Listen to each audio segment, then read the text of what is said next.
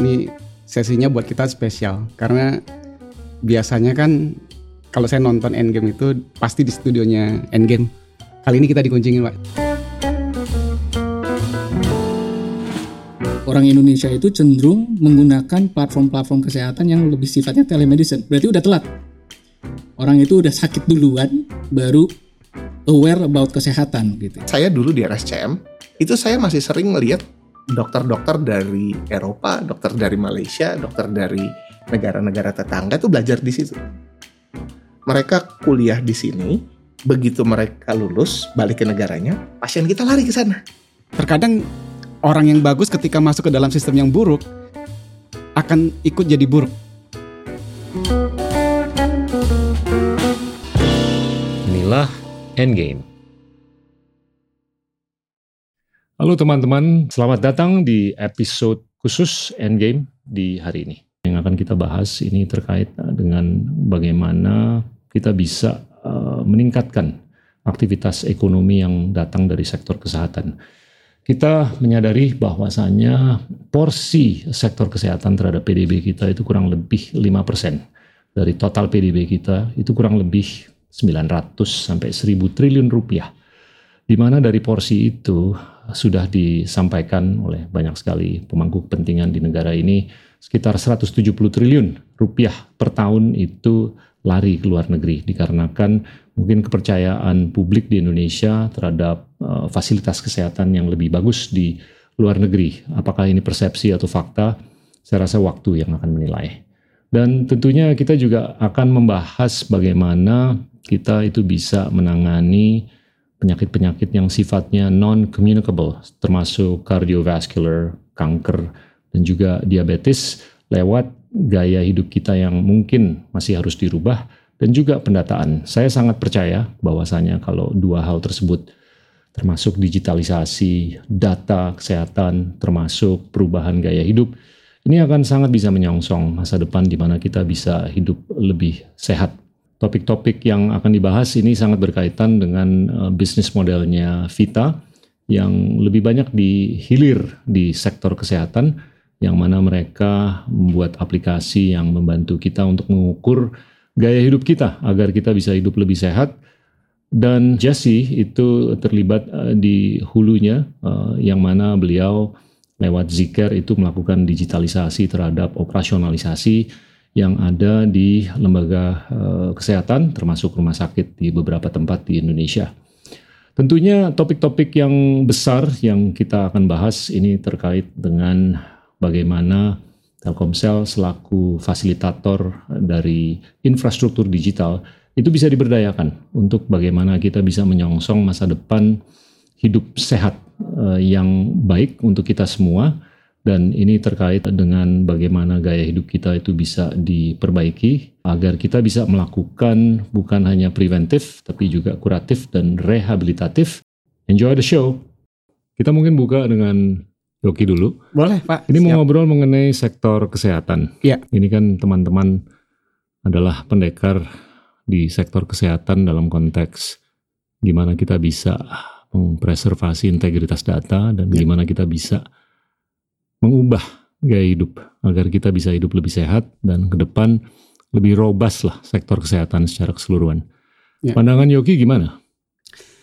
Ya, uh, terima kasih Pak Gita. Terima kasih teman-teman udah hadir di kantor Telkomsel. Ini sesinya buat kita spesial karena hmm. biasanya kan kalau saya nonton Endgame itu pasti di studionya Endgame. Kali ini kita dikuncingin Pak. Saya nggak tahu ini mungkin yang pertama kali ya. Nah, Nah kalau relate dengan dengan dunia kesehatan Pak, um, sebenarnya orang akan bertanya sebenarnya apa hubungannya sama Telkomsel? Telkomsel kan telco gitu. Sekali lagi Telkomsel telco. Saya pernah cerita beberapa waktu yang lalu kan Pak, bahwa kita itu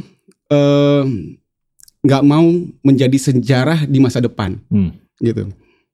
Kita itu melihatnya adalah hari ini mungkin kita telco, tapi nanti di beberapa tahun ke depan, beberapa uh, uh, periode ke depan gitu ya, ternyata kalau dari analisa kita itu bukan core telco yang akan punya peran, tapi ke digital. Nah, makanya kita coba mulainya itu dari sekarang supaya kita nggak ketinggalan bagaimana kita bisa engage dengan ekosistem digital secara masif. Yap. Kan gitu. Dan salah satunya di di ekosistem kesehatan gitu. Dan kita melihat eh, ini bagian penting juga buat kita karena kita coba melihat secara holistik Pak, terutama dari karena kita juga bagian dari pemerintah, kita lihat roadmapnya pemerintah gitu ya. Yap. Kita lihat roadmapnya pemerintah ternyata memang punya roadmap untuk mentransformasi ke digital eh, ke dunia kesehatan yang jauh lebih baik untuk Indonesia. Dan kita ngeliat bagaimana kita bisa punya peran. Kalau telco itu kan sebenarnya kalau saya boleh merefer ke diagram Maslow eh, terhadap digital needs gitu ya. Ya. Di paling bawah itu psychological needs atau basic needs lah. Paling atasnya itu kan self actualization needs gitu ya, Hmm. Pak. Nah, kita itu sebenarnya peran utamanya itu di di bawah sebagai enabler. Basic needs-nya kita penuhin. Bukan tidak mungkin kita bisa bermain di layer-layer berikutnya. Tapi ada pihak lain, ada eh, entity lain yang mungkin lebih bisa mengoptimalkan Hmm. untuk eh, membuat itu jauh lebih baik untuk society. Dan peran kita, bagaimana kita bisa membantu itu untuk tumbuh bisa lebih baik gitu Ya. kan. Dan kita engage ekosistemnya. Kita menjadi bagian dari ekosistem tersebut. Nah, supaya tadi yang tujuan kita Telkomsel nanti ke depannya menjadi digital telco company gitu ya. Terwujud gitu. Nah, makanya di dunia kesehatan kalau kita boleh bagi menjadi tiga bagian besar gitu, Pak. Ya. Ada preventif, ada kuratif, ada rehabilitatif gitu ya. Ya. Dan kebetulan kita engage, kita rangkul teman-teman yang bermain di tiga Hmm. bagian ini di dalam ekosistemnya kita. Satu Vita. Vita ini bisa dibilang eh, anaknya Telkomsel lah. Kita yang nge-build karena kita ngelihat bahwa pasarnya eh, preventif di dunia, dunia kesehatan itu beberapa waktu yang lalu kita lihat marketnya diambil sama luar dan kita pengen ada yang besar dari dalam Indonesia gitu ya. Yang kedua ada kuratif. Kita punya kendaraan kan TMI. Yuk. Nah, TMI merangkul Halodoc gitu. TMI juga merangkul Zcare gitu ya. Untuk kuratif dari dua sisi yang berbeda, satu telemedicine dan teleconsulting, satu yang bermain di rumah sakit bahkan sampai ke B2B-nya, termasuk rehabilitatif. Zcare juga bermain di rehabilitatifnya. Jadi komplit gitu, Pak. Jadi ternyata Telkomsel bukan sekedar untuk telepon. Kalau orang mungkin awamnya kan memang saat ini melihatnya telepon SMS gitu. Udah jarang banget sekarang orang nelpon. Jarang banget orang nelpon. Maka dari itu Pak, itu sudah menjadi alert buat kita kan Hmm. bahwa suatu saat kalau kita tidak coba merangkul ekosistem yang jauh lebih besar which is digital, Ya. Telkomsel akan tinggal sejarah. Ya. Mungkin sekarang nggak kelihatan. Dampaknya baru nanti dia yang di masa depan gitu. Kurang lebih gambarnya Nah, Anda melihat nggak sih infrastruktur telekomunikasi garis miring digital yang disediakan oleh Telkomsel itu bisa membuahkan disrupsi yang sangat dibutuhkan untuk hal-hal yang sifatnya kuratif, rehabilitatif, dan preventif. Eh sebenarnya banyak hal pak karena kita kita di di Telkomsel itu sebenarnya ada bagian melakukan research teknologi juga sebenarnya jadi nggak nggak sekedar kita merangkul ya dan kalau contoh misalnya nih pak kalau kita bicara yang lagi hype nih sekarang nih ngomongin AI gitu ya Hmm. AI itu kan bisa dipakai untuk banyak industri kan Iya. sebenarnya gitu ya. Itu juga kita sekarang lagi melakukan research. Apakah kita bisa eh, apa namanya punya peran lebih di dalam pengembangan AI? Kita sempat saya secara pribadi itu sempat ketemu dengan eh, salah satu yang mereka bilang computing lah, computing eh, entity di belakang layarnya GPT GPT yang ada Pak Chat GPT itu di hmm. belakang layarnya baik itu Google Bard, baik itu OpenAI, baik itu eh, yang di Cina Ba- Baidu gitu ya. Hmm. Di belakang layarnya computing sistemnya itu ada satu entity sebenarnya. Saya secara personal ketemu sama mereka. Hmm. Bahkan mereka menawarkan. Mereka mereka bilang kalau sebenarnya kalau eh, siapa pun yang memakai Chat GPT, yang memakai apa namanya eh, Google Bard maupun Baidu, itu ujung-ujungnya adalah memakai kita kan gitu. Tapi kita coba engage. Terkadang ada sensitivity gitu pak, sensitivity mas- masalah data. Ya. Makanya mungkin untuk sebagian entity seperti enterprise mereka kalaupun mau mengimplementasikan itu hanya untuk lingkupnya mereka Betul. internal. Nah itu arahnya ke sana. Dan itu kita kita kita melakukan riset di situ. Ya. Ada nggak peran yang bisa kita lakukan untuk membuat eh, perubahan yang besar yang dampaknya bisa signifikan gitu ya. Selain hanya sekedar menjadi enabler. Ya. Nah, itu ada tim yang khusus untuk melakukan riset tersebut, Pak. Oke. Saya saya akan balik ke topik AI. Ini penting, tapi saya mau ngobrol dulu nih dengan pendekar-pendekar ini. Mungkin kita mulai dengan lifestyle dulu deh. Oke Pak. Gimana, Rey? Apa yang Anda sudah lakukan dan apa yang Anda lihat sebagai peluang yang besar sekali ke depan Hmm. untuk supaya kita bisa hidup lebih sehat. Dan ini saya mau coba bungkus dalam konteks ekonomi. Karena kalau secara keseluruhan itu mungkin porsi yang terkait dengan kesehatan itu kurang lebih 5% dari PDB kita. Ya. Itu. Ekonomi kita. Dengan pendekatan PDB kita 18.000 triliun, ya ini kurang lebih Hmm. 900 triliun.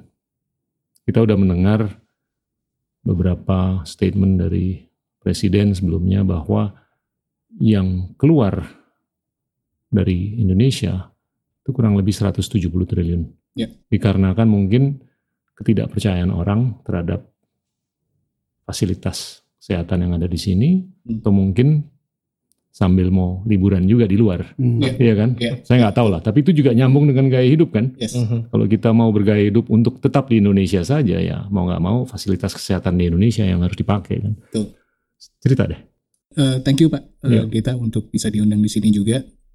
Jadi Vita itu sebenarnya berangkat dari satu data yang Ya. menunjukkan bahwa memang untuk melakukan gaya hidup sehat itu sangat sulit, terutama untuk orang Indonesia, di mana banyak sekali attractiveness Pak Ya. untuk tidak melakukan gaya hidup sehat. Gitu ya. Contoh makanan di Indonesia itu biasanya gorengan, banyak yang Mhm. ada gulanya dan lain-lain. Kedua juga Kayak secara yang di sini. Nah, Ini lagi progres Pak. dan yang kedua juga untuk em, mengcounter itu, jadi exercise place dan lain misalnya gym, secara hukum atau secara legalitas itu ternyata masih nyambungnya itu lebih ke entertainment malah pak gitu ya. Hmm. Eh, padahal itu mestinya sesuatu yang berbeda.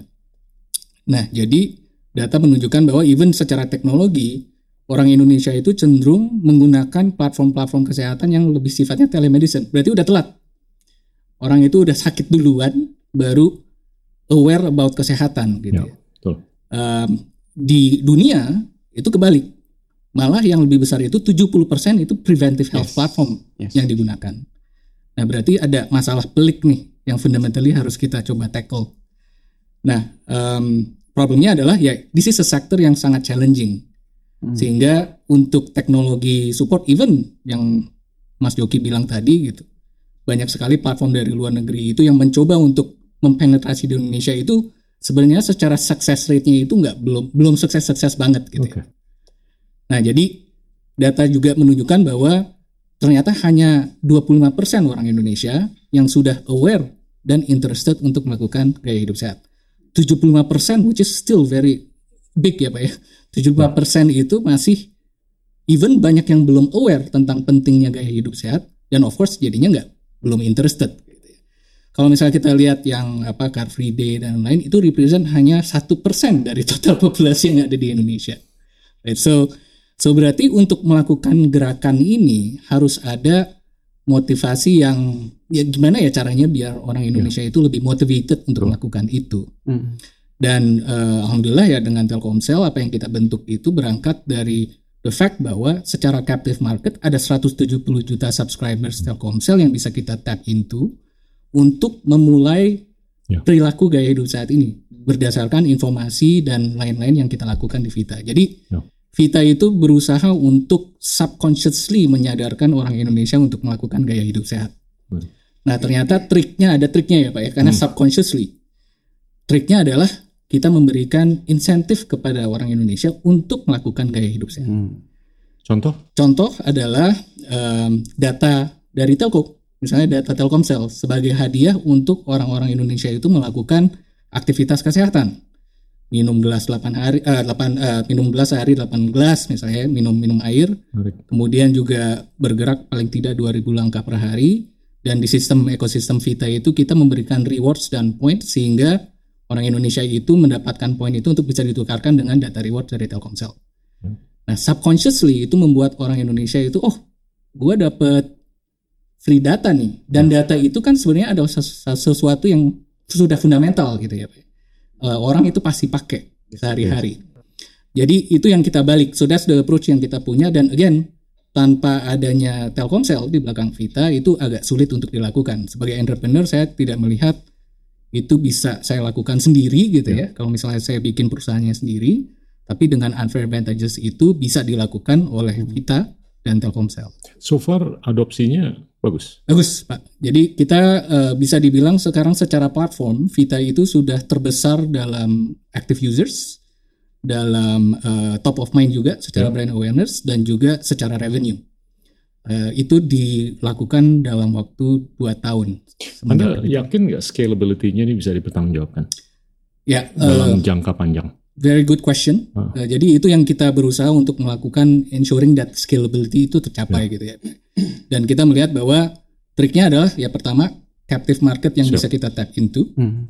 Yang kedua adalah platform yang bisa mengaktifasi atau memotivasi orang Indonesia itu untuk melakukan gaya hidup sehat. Ya. Tapi at the same time yang ketiga yang paling penting itu adalah ekosistem yang kita bisa work with juga, Pak. Karena iya, Telkomsel is a is a big telco company yang bisa memberikan leads. Tapi kita jangan lupa asosiasi pelatih kebugaran yang harus kita work with. Eh, mungkin juga dokter, asosiasi dokter yang berhubungan dengan eh, penyakit-penyakit kronis. Kenapa? Karena when it comes to gaya hidup sehat, orang cenderung mikirnya adalah, oh ya ini hanya mengenai weight aja. Tapi jangan lupa bahwa yang namanya weight problem itu is a gateway towards many chronic diseases ya Pak ya. Apakah itu diabetes, hipertensi, eh, dan lain gitu. Jadi Ya. itu yang kita lihat bisa kita kembangkan dengan bisa melakukan partnership dengan ekosistem yang ada di Indonesia dan kita mulai dari sesuatu yang sangat measurable which is weight problem karena tinggal Oh iya. beli timbangan ya Pak ya. Beli timbangan kita tahu apakah goalnya achieve apa enggak gitu ya. So baby steps yes, tapi scalability yang kita lihat itu ternyata there's a lot of health programs yang kita bisa kembangkan in the future. Tapi startnya itu dari sesuatu yang sangat mudah untuk dimengerti oleh orang Indonesia juga gitu. Ini sebagai follow up aja. Ini kan kalau kita lihat hardware-hardware yang kita beli, mau iOS atau Android, semakin banyak kan Ya. fitur-fitur baru kan, Hmm. Ya. yang semakin nyambung dengan gaya hidup, Betul. ya kan? Itu nggak menjadi persaingan. Kita malah melihatnya itu sebagai satu kesempatan untuk Vita melakukan distribusi capabilities yang kita kembangkan untuk bisa diintegrate dengan partner-partner tadi. Jadi em, orang mikir Vita itu adalah sebuah aplikasi. It's wrong perception. Vita itu adalah sebuah platform. Di mana platform yang kita kembangkan misalnya Pak ya, ada satu platform yang kita sebut dengan CATCH. Itu singkatan dari Consultation at the Center of Health. Kenapa? Karena kita believe that when it comes to healthy lifestyle, uh, program kesehatan, you need a consultant in the form of coaches, nutritionists, doctors yang akan membantu users untuk mencapai goals tersebut. Nah, ekosistem ini kita bentuk. Ya. Sekarang memang ada di dalam aplikasi Vita, iya. Tapi kemudian ini akan kita distribusikan sebanyak mungkin ke partner-partner yang ada. Termasuk misalnya partner gym kita, Pak. Ya. Itu mereka udah menggunakan aplikasi sendiri sebenarnya. Ya. Tapi mereka tidak punya capability untuk consultation tadi, proses untuk mendapatkan data dari users, kemudian data itu dikembangkan oleh coaches dan consultants ini ya Pak ya, Hmm. untuk bisa memberikan nasihat atau guide guidance ke users tersebut. Jadi kita nggak melihat itu sebagai competition, kita malah melihat itu sebagai a way untuk Vita itu bisa diadopt secara lebih luas. Jadi itu yang kita kita cari. Ini lebih nyambung ke communicable atau non-communicable disease? Eh, ini Atau cukup agnostik? cukup agnostik pak cukup Oke. agnostik dalam arti ya of course kita again startnya itu dari sesuatu yang simple gitu ya Yap. tapi nanti ke depannya even kita melihat eh, cabangnya itu bisa ke women's health bisa ke mental health bisa yang lain-lain juga gitu tapi of course kita mulai dari weight problem weight problem itu biasanya related to chronic diseases yang di trigger oleh weight Ya. problem tadi Ya. Eh, tapi setelah itu secara platform ini sebenarnya bisa digunakan oleh um, lumayan banyak health Ya. programs lah yang kita bisa achieve. Oke. Jess, ini kalau kita lihat penyakit-penyakit yang non communicable, Mhm. yang paling banyak kan cardiovascular. Ya. Terus kedua mungkin kanker, Yep. tiga mungkin diabetes. Mhm. Setelah itu dan lain-lain. Yep. Anda nih di scope yang melakukan pendataan. Yes. Is there hope? Hope. It's a very tough question actually.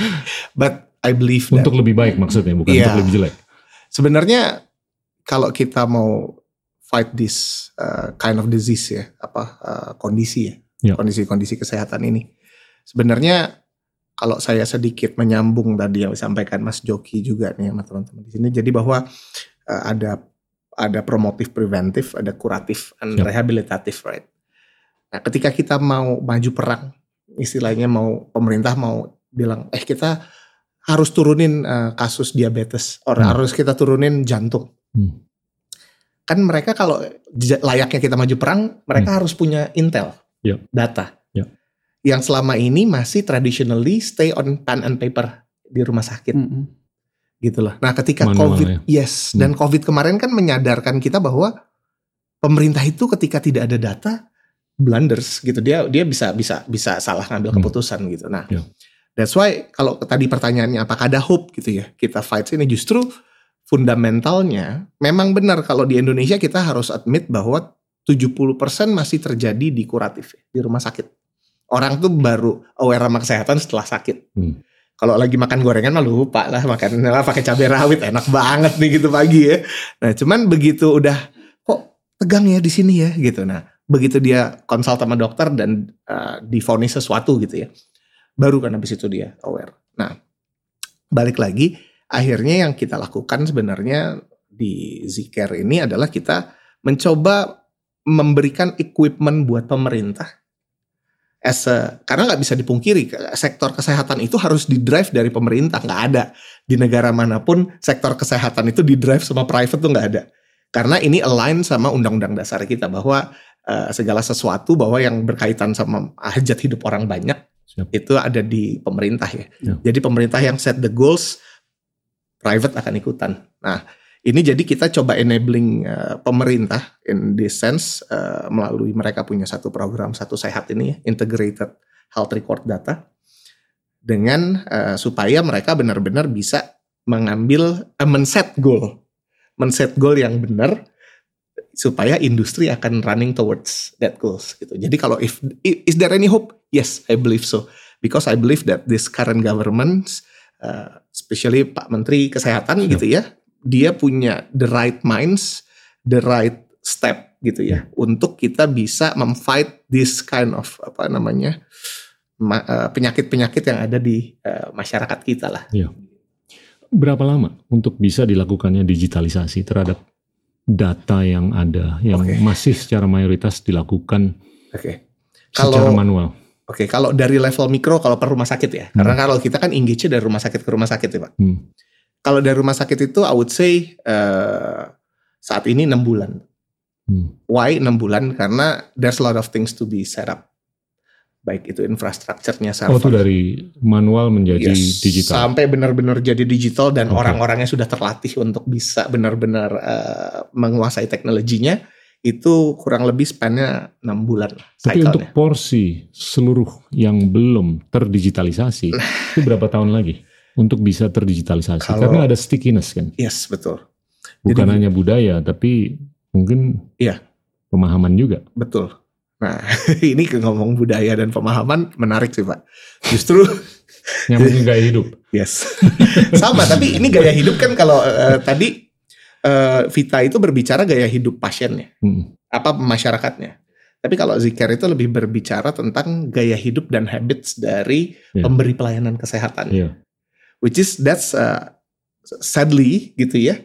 Uh, the fact is uh, it's also the biggest reluctance apa ya apa uh, resistance ya. Hmm. Ketika kita melakukan transformasi itu juga banyak sekali kita temui ya, nggak semua tapi Iya. lebih banyak itu dari uh, human factors gitu. Nah, ini juga yang menjadi tantangan Ini, ini sih. agak counterintuitive. Kenapa? Karena kalau mereka tahu bahwa kalau ini dilakukan, Iya. ini akan membuahkan dua hal yang lebih baik. Iya. Satu, kue ekonominya akan lebih gede. Dua, kesehatan lebih bisa dipertanggungjawabkan. Itu kan tugas-tugas yang cukup mulia kan. Betul sekali Pak. Di atas kertas ya Pak. di atas kertas. gitu. Cuman memang Nah, apa kan yang bikin ini agak-agak sulit? Karena on on the surface ini kedengaran sangat counterintuitive. eh ya sadly itu kenyataannya Pak. Jadi memang karena kalau kita boleh sedikit terbuka ya di sini memang eh, poin yang sering kita temukan itu adalah ya dulu saya dari dulu sampai sekarang melakukannya seperti ini gitu. Hmm. So if there is a change, itu lebih baik nggak? Itu berguna nggak? Seberapa besar manfaatnya? Nanti datanya jadi kerahasiaannya gimana? Keamanannya bagaimana? So that kind of reasons yang sebenarnya kita mesti bisa jawab sih. Pak. Bicara mengenai kerahasiaan, Ya. kedaulatan ini di mana? Menurut peraturan Menteri Kesehatan yang terbaru, Pak, nomor 24 tahun 2022 tahun lalu, the ownerships resides on the patient side. Hmm. Jadi sekarang nih kalau kita ke rumah sakit, kita mau keluar dari rumah sakit itu, kita berhak minta tuh hasil lab kita, hasil radiologi kita, expertise Hmm. kita, everything. Nggak boleh cuman selembar kertas yang namanya resume medis itu udah nggak boleh. Harus semuanya. Itu hak kita. Oke. Gitu. Nah itu sih sebenarnya Pak. Kalau ownershipnya juga di kita jadinya. Oke, mungkin ada juga kekhawatiran pengelola data Mhm. bahwasanya ini harus dijaga kerahasiaannya.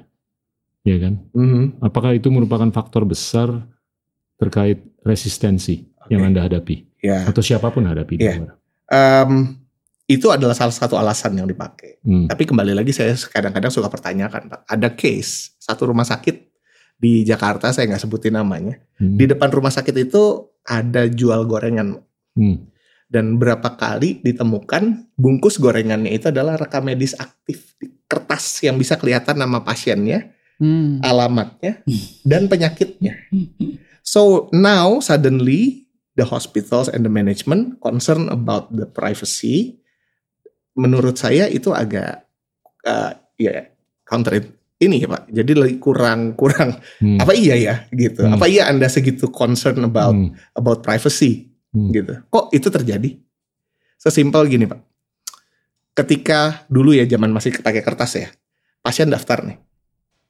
Dia nunggu lama nunggu tuh karena apa? Karena berkas rekam medisnya itu yang di amplop di map itu di folder itu kan ada di gudang. Hmm. Ada orang tuh runner tuh Pak. Dia pergi ke gudang, dia ambil, dia cari kan, terus dia bawa tuh ke dokter.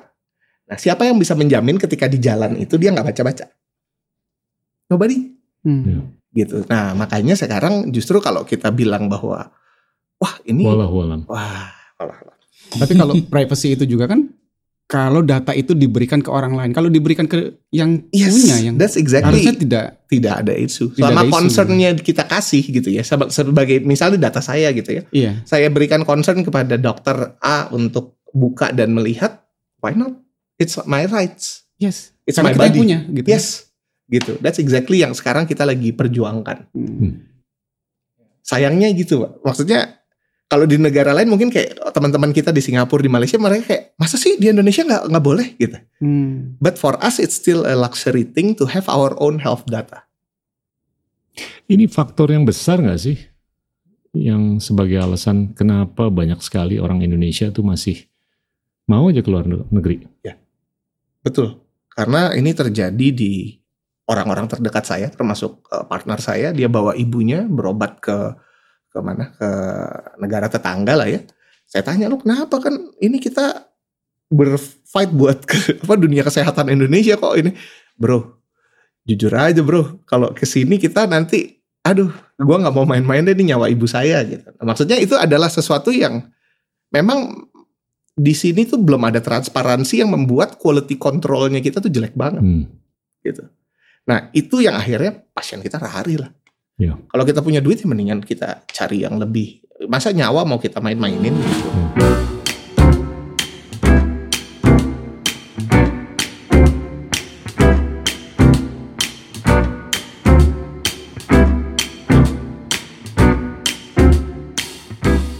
implicit dalam statement Anda ini sedikit mengenai kualitas dokter.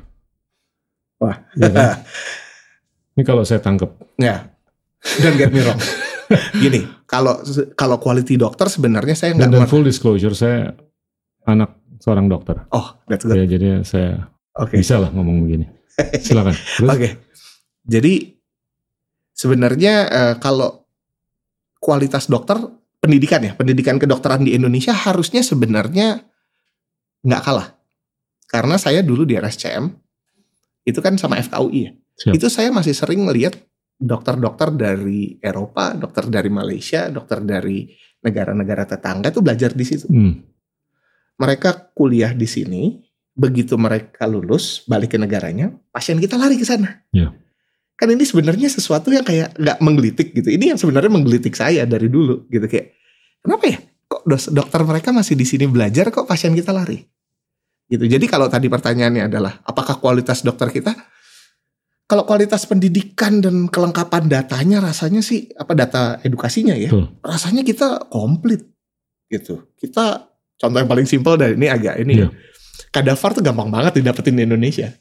Apa body apa Hmm. mayat yang anon apa mayat yang bisa dibedah-bedah tuh kalau di Australia itu mahal banget. Di Ya. Indonesia tuh very cheap gitu. Ya compare to other country ya. Artinya bisa belajar lebih banyak gitu jadi kualitas pendidikan kedokterannya sih sebenarnya nggak diragukan Pak. gitu itu sih kalau my personal observation sih Atau mungkin hmm, em, sistem pendukungnya pak. Ya. Oke. Dokternya nggak masalah gitu ya. Iya. Kualitas dokternya nggak ada masalah. Tapi kalau sistemnya juga tidak bagus gitu ya. Terkadang orang yang bagus ketika masuk ke dalam sistem yang buruk Ya. akan ikut jadi buruk kan gitu. Nah ini yang mungkin bagian yang perlu ditransform gitu. Dan dan mungkin kalau saya boleh nyambung sedikit dengan eh, karena kita ngomongin data dan kualitas dokter Hmm. ya Pak ya. Preventive health itu malah lacking data, hmm, Mm-mm. right? It's data yang ternyata belum diambil gitu Betul. dari users-usersnya. betul.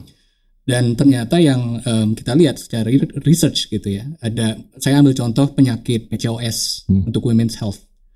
Kebanyakan orang em, dokter di Indonesia itu langsung cenderung untuk melihat medicine apa yang harus saya kasih. Ya. Hmm. Tapi kalau misalnya kita keluar Indonesia, apa yang mereka tanyakan dulu untuk penderita PCOS itu adalah gaya hidup sehat lu seperti apa? Ya. Ya. Eh, lu overweight apa enggak gitu. Karena Ya. PCOS itu sebenarnya bisa disembuhkan dengan melakukan gaya hidup sehat aja. gitu. betul. Jadi itu juga menyambung lagi bahwa data itu penting. Kalau nggak ada datanya juga akan sulit untuk Ya. dokter kita lebih berkualitas. Hmm, Tapi at the same time, you know, kualitas of uh, Indonesian doctors juga mungkin Ya ini ini pemikiran awam aja kalau Ya. datanya itu nggak bener, Mhm. Ya. gimana kita bisa mempertanggungjawabkan? Exactly. Ya kan? Gimana kita bisa mengukur? Ya kan? Gimana kita bisa mengevaluasi Hmm. kinerja bukan hanya dokter tapi seluruh pemangku kepentingan, Betul. Yes. ya kan? Dan ini kan semangatnya gimana secara institusional ini keangkat semua kan? Ya.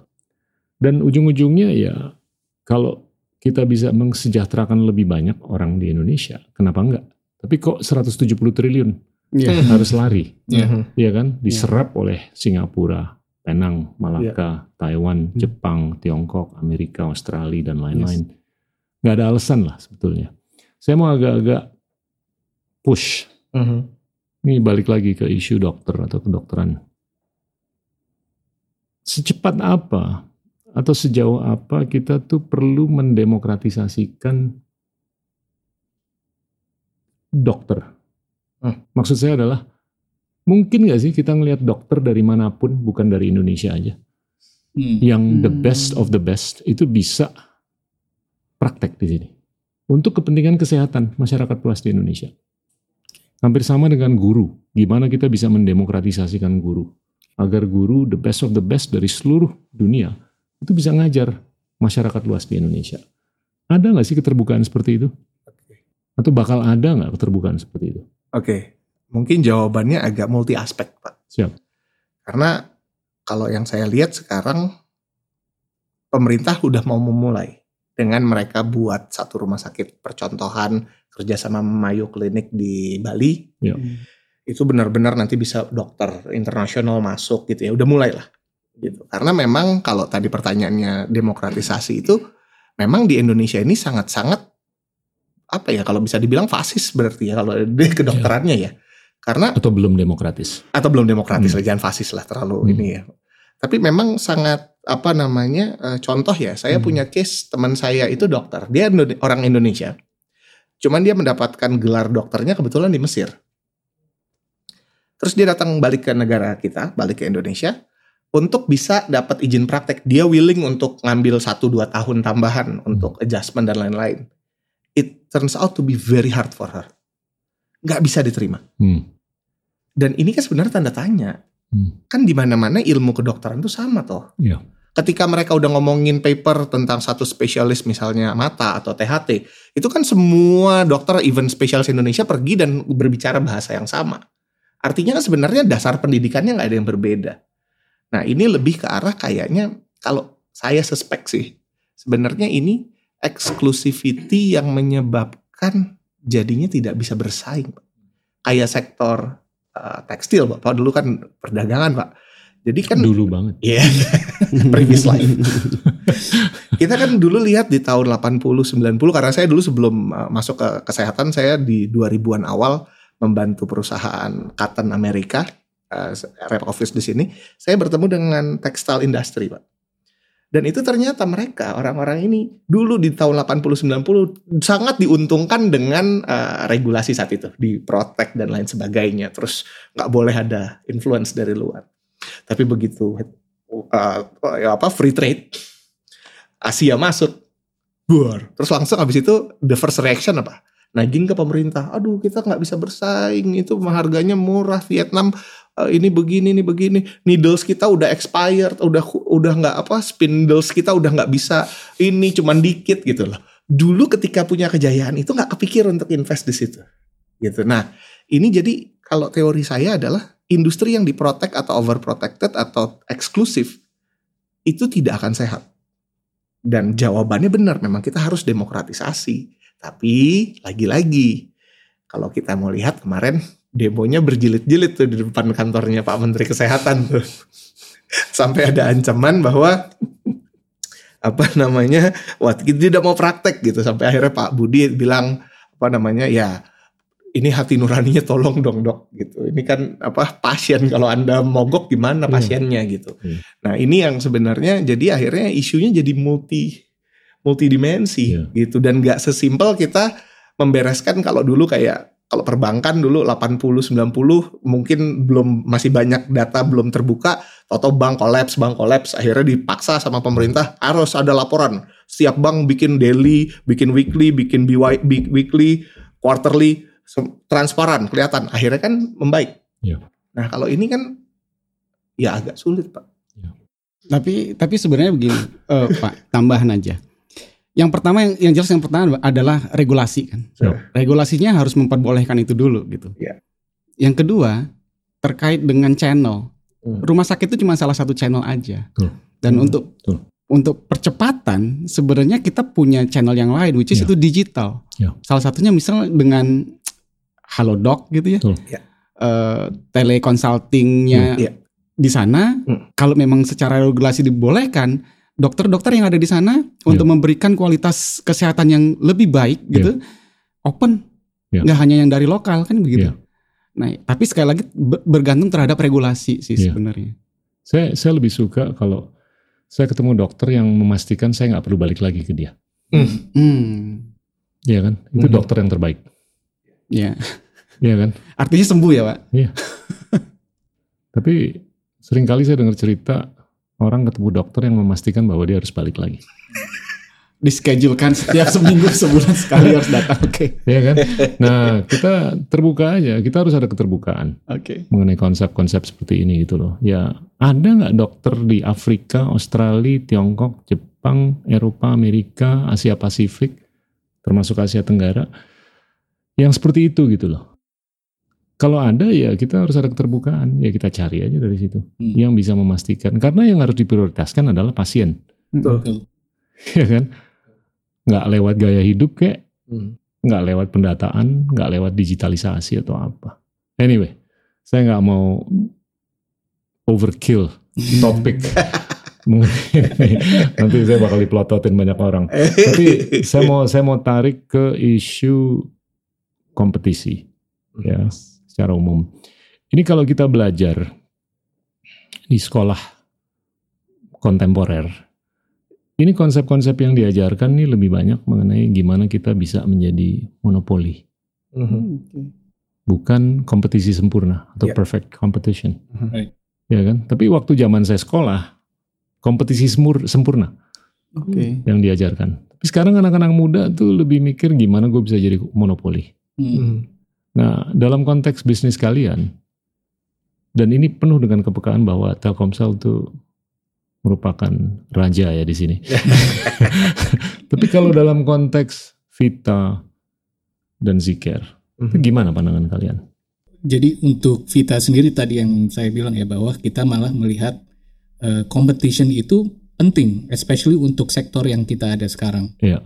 Kenapa? Karena secara gaya hidup sehat itu adalah awareness yang belum terbentuk malah di Hmm. Indonesia. Semakin banyak players yang bisa em, memberikan this guidance to Indonesians itu akan semakin bagus untuk the sector.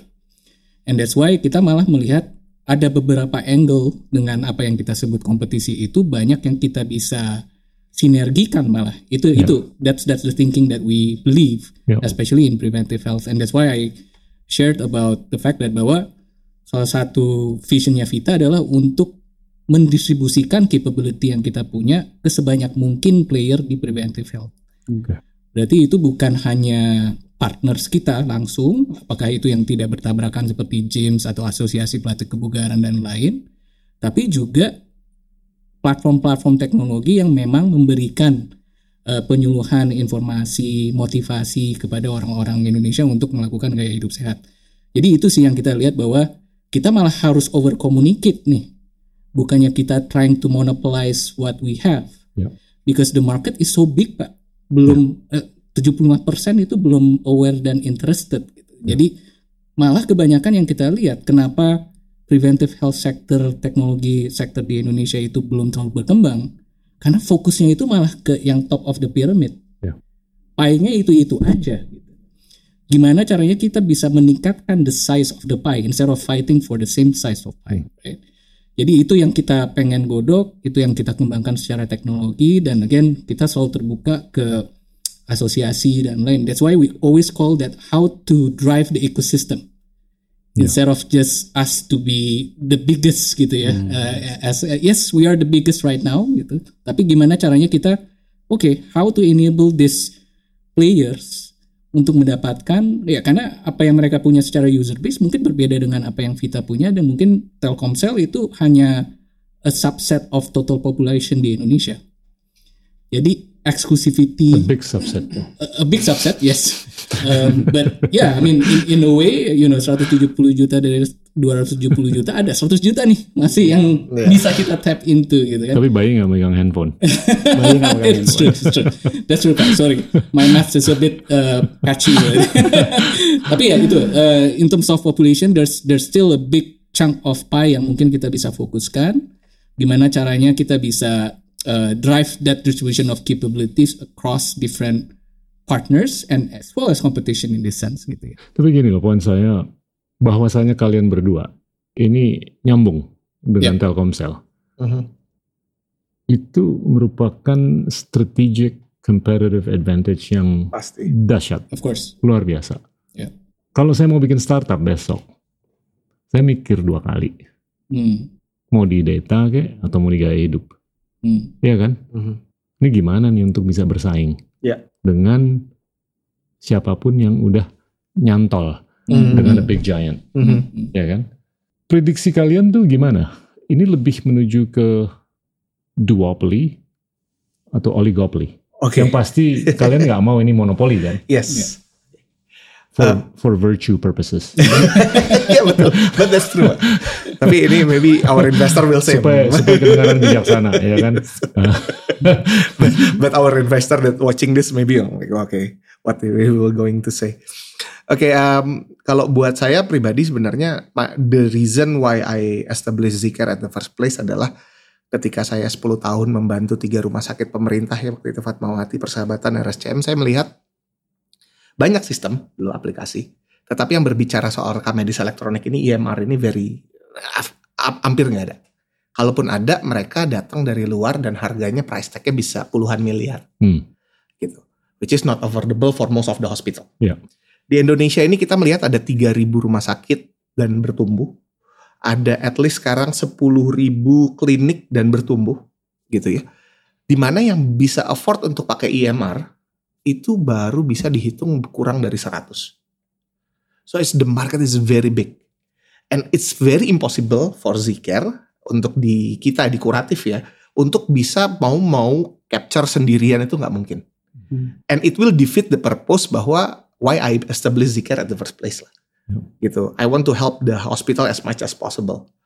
Nah, jadi artinya sekarang saya kebetulan aktif di uh, Asosiasi Health Tech Indonesia. Ini sebuah asosiasi yang memang me, apa namanya uh, merumahi pemain-pemain uh, teknologi kesehatan di situ ada juga yang Halodoc, yang Giant Giants juga ada di hmm. situ. Hmm. Tapi ada juga yang main di sistem kayak EMR. Ya.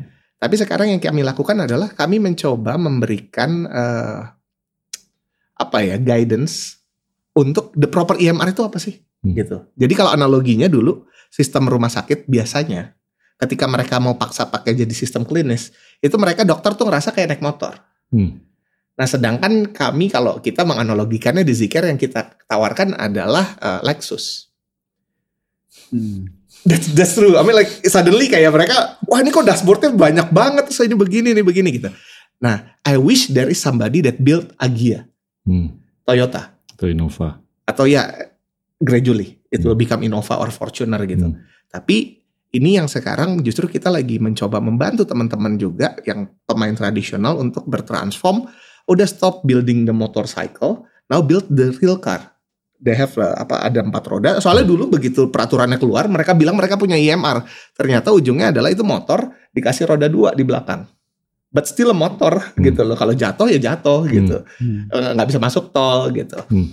Nah ini yang sekarang kita justru nggak melihat ini bakal menjadi suatu monopoli lah gitu ya. Justru okay. kita membantu rumah sakit secepat mungkin karena deadline regulasinya sama Pak BGS dibikin very tight uh, by the end of this year. Gitu ya. Ini mungkin juga karena tahun depan pemilu ya. Hmm. Jadi kan ganti pemerintah mungkin there will change be a change in the regulation again tapi ini harapannya kayaknya Pak BGS pengen secebanyak mungkin udah adopt yeah. supaya nanti udah nggak bisa di redo yeah. gitu. Hmm. Jadi ya kalau dibilang lagi monopoli ya kita sebenarnya pengennya enggak sih. Ya. Gitu. Kita justru mau merangkul semua orang untuk membantu 3 ribuan growing rumah sakit plus 10 ribu and growing klinik di Indonesia. Seperti itu sih Pak. Oke, saya mau tanya, GDPR pandangan Anda gimana? General Data Protection. Kalau yang yang jelas sekarang yang kita pegang adalah regulasi yang terbaru gitu Pak ya. ya. Regulasi yang terbaru itu uh, data privacy terutama PII ya. itu tidak boleh tanpa konsen disebar, ya. kan begitu. Dan kalau kita relate korelasikan dengan uh, dunia kesehatan, gitu ya, ya uh, selama datanya itu uh, milik pelanggan, gitu ya, dan udah ada aturannya juga, mestinya ya data itu harus benar-benar 100% pelanggan yang punya kuasa mau dibuat-buat apa, kan gitu ya. Mau dipakai uh, apakah itu akan diserahkan dari satu rumah sakit ke rumah sakit lain ataukah itu akan diserahkan dari satu dokter ke dokter lain walaupun itu beda rumah sakit. Mestinya hak kuasa itu ada di pelanggan ya. bukan di institusi rumah sakitnya gitu termasuk data yang mungkin kita generate dari platform-platform yang lain ya. uh, dari platform Vita gitu ya itu juga kan ada data-data yang mungkin sifatnya privacy tapi kalau sifatnya itu lebih ke behavior, hanya lebih ke untuk analisis yeah. gitu, itu mungkin lebih uh, general untuk bantu kita mengembangkan satu platform tertentu gitu ya. Yeah. Itu yang kita lakukan dan di Telkomsel juga kita sebenarnya data-data behavior pelanggan dari sisi telco itu kan kita collect pak ya. Cuman tidak kita sekali lagi kita tetap uh, comply dengan regulasi, nggak hmm. kita sebarkan. Tapi itu kita collect untuk bagaimana kita bisa membantu ekosistem jadi lebih baik. Ya. Contoh misalnya uh, kita punya bagian yang kita sebut dengan kita ada namanya MSAT pak. Uh, bisa dibilang ini sebagai big datanya Telkom yang ngelola big datanya Telkomsel dari ek- dari apa yang dilakukan behavior yang dilakukan oleh pelanggan itu bisa membantu kita membuat semacam credit scoring dari sisi eh, telco behavior Hmm. yang mungkin bisa sangat membantu di sisi preventif dan bisa juga membantu dari sisi eh, kuratif Ya. gitu ya. Itu yang kita coba eh, olah dan kita eh, apa namanya open sebenarnya teman-teman untuk eh, kita nih sebenarnya punya platform juga kita kita invite loh kita sebagai enabler yang cukup besar Hmm. itu kalau kita mau membantu untuk membantu mengembangkan Indonesia yang jauh lebih baik Ya. kita very welcome kita invite kan saya sudah pernah cerita terkait dengan T-Connect gitu Pak ya salah satu platform kita kita invite tidak hanya yang benar-benar eh, saat ini kita engage directly dengan kita invest gitu ya tapi siapa pun sebenarnya kita invite untuk ayo kita bantu kembangkan Indonesia jadi lebih baik Ya. kita punya cuman tetap di sana ada aturan-aturan yang harus dipenuhi semacam itu nah kita arahnya lebih ke sana sih Pak Ini, ini kalau saya komparasikan antara Amerika dengan Eropa. Ya. Eropa tuh cenderung mau lebih ketat mengenai privasi data. Dan ini termanifestasi dalam kerangka regulasinya, GDPR. Amerika lebih loose. Mhm. Tapi saya bisa kembangkan hipotesa bahwa Amerika tuh lebih mau lebih loose. Karena dia lebih di software. Mm-mm. Jadi mereka punya kepentingan untuk terus-menerus dilakukannya demokratisasi data. Mm-mm. Mhm. Kalau Eropa tuh lebih hardware. Mereka mungkin ketinggalan sama Amerika dan Tiongkok dalam konteks demokratisasi data. Ya. Mereka bukan beneficiary dari demokratisasi data Eropa. Amerika iya.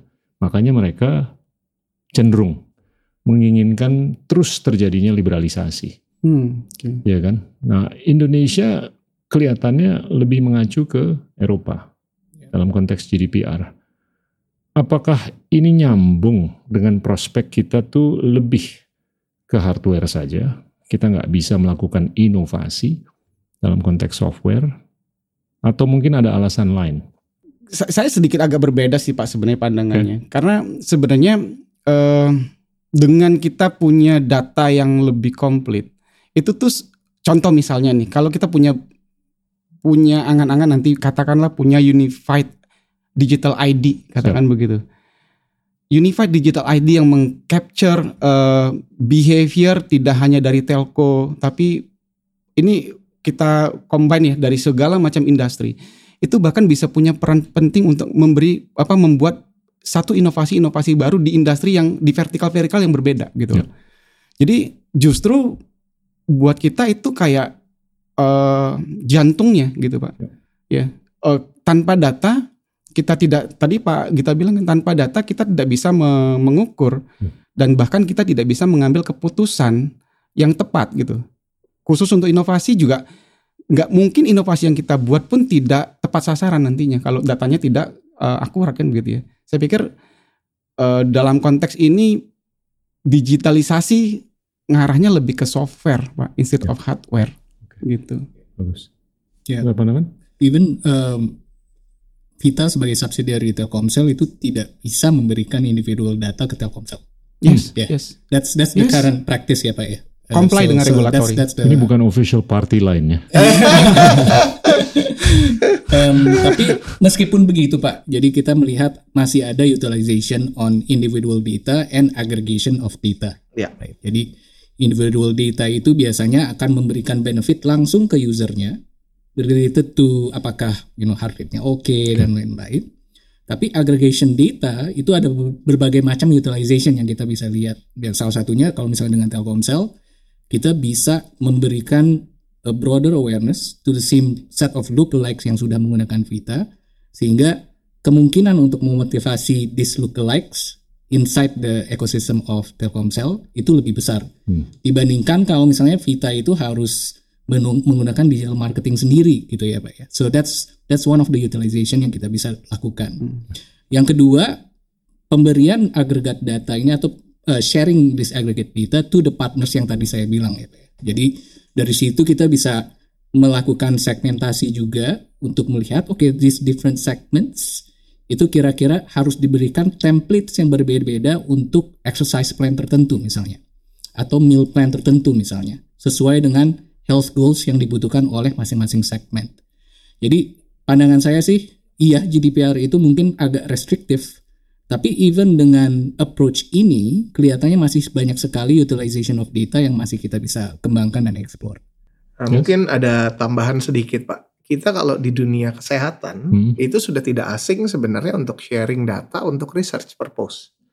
Karena that's how they push the apa ya medical world uh, apa further itu by sharing data sebenarnya. Research itu harus open source. Yes. Jadi eh, ya cuman mungkin ada boundariesnya itu nggak boleh apa personal identificationsnya mesti di remove Iya. gitu ya. Tapi case-case itu sebenarnya kalau untuk data kesehatan nggak ada yang menjadi rahasia, Pak.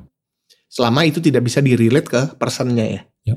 Karena mereka perlu menganalisa, mempatternkan gitu ya eh, sebaran penyakit. Hmm. Gitu contohnya yang paling gampang misalnya TB, oh ini ada kasus TB lagi naik ya, ternyata di Jawa Barat misalnya di kabupaten ini kenapa ya gitu. Nah itu kan datanya sebenarnya dari dari diagnosanya aja yang udah di itu aja udah bisa itu kan udah sharing. Ya. Nah nanti turun tuh nanti tim dari dinas dari kementerian untuk observe ya di- dari pusat infeksi lah ya pengendalian infeksi mereka li- akan lihat apa yang menyebabkan ini nanti di apa mereka jadi bisa melakukan apa ya eh, eh, pencegahan Hmm. eh, penyuluhan dan lain sebagainya.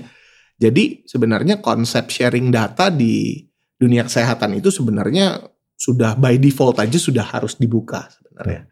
Selama personal identification ini di di apa dihapus. Nah, dengan adanya langkah digitalisasi ini, proses demokratisasi data tadi jadi lebih cepat. Hmm. Kalau yang tadinya eh, harus ada tim penyuluhan atau tim tim pencari faktanya turun ke lapangan untuk eh, apa ya research lah, survey lah ya. Kalau ini bisa kalau semua vaskes sudah benar-benar digital, it's just one click away lah. Hmm. Pemerintah udah punya dashboard BI-nya.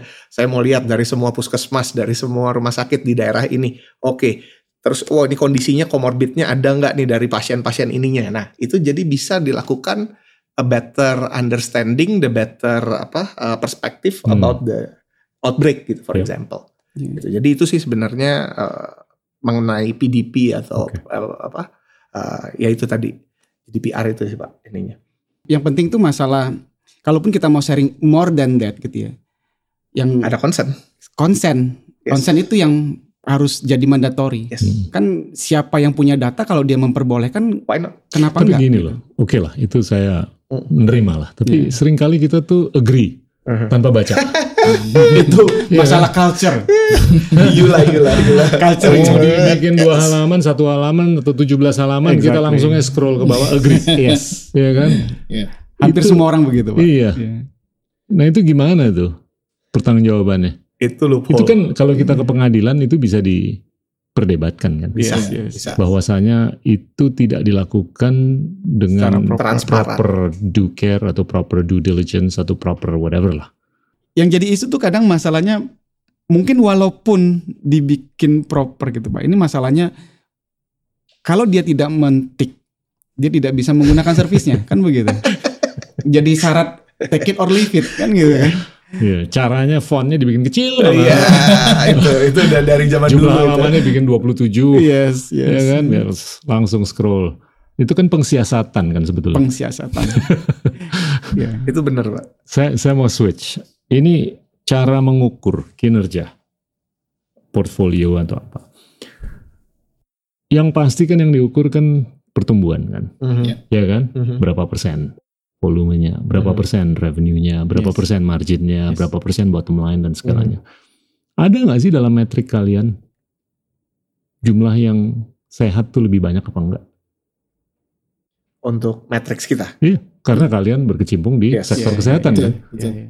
Ada nggak? Kalau kalau Vita misalnya ya Pak Ah, ya, pasti ada untuk nih. ehm, eh, karena kita mulai dari weight problem dulu kan yang Ah. saya bilang. Jadi salah satu key metric yang kita lihat adalah seberapa besar atau seberapa eh, banyak weight yang berkurang dari users kita. So that's actually one of our key success metric.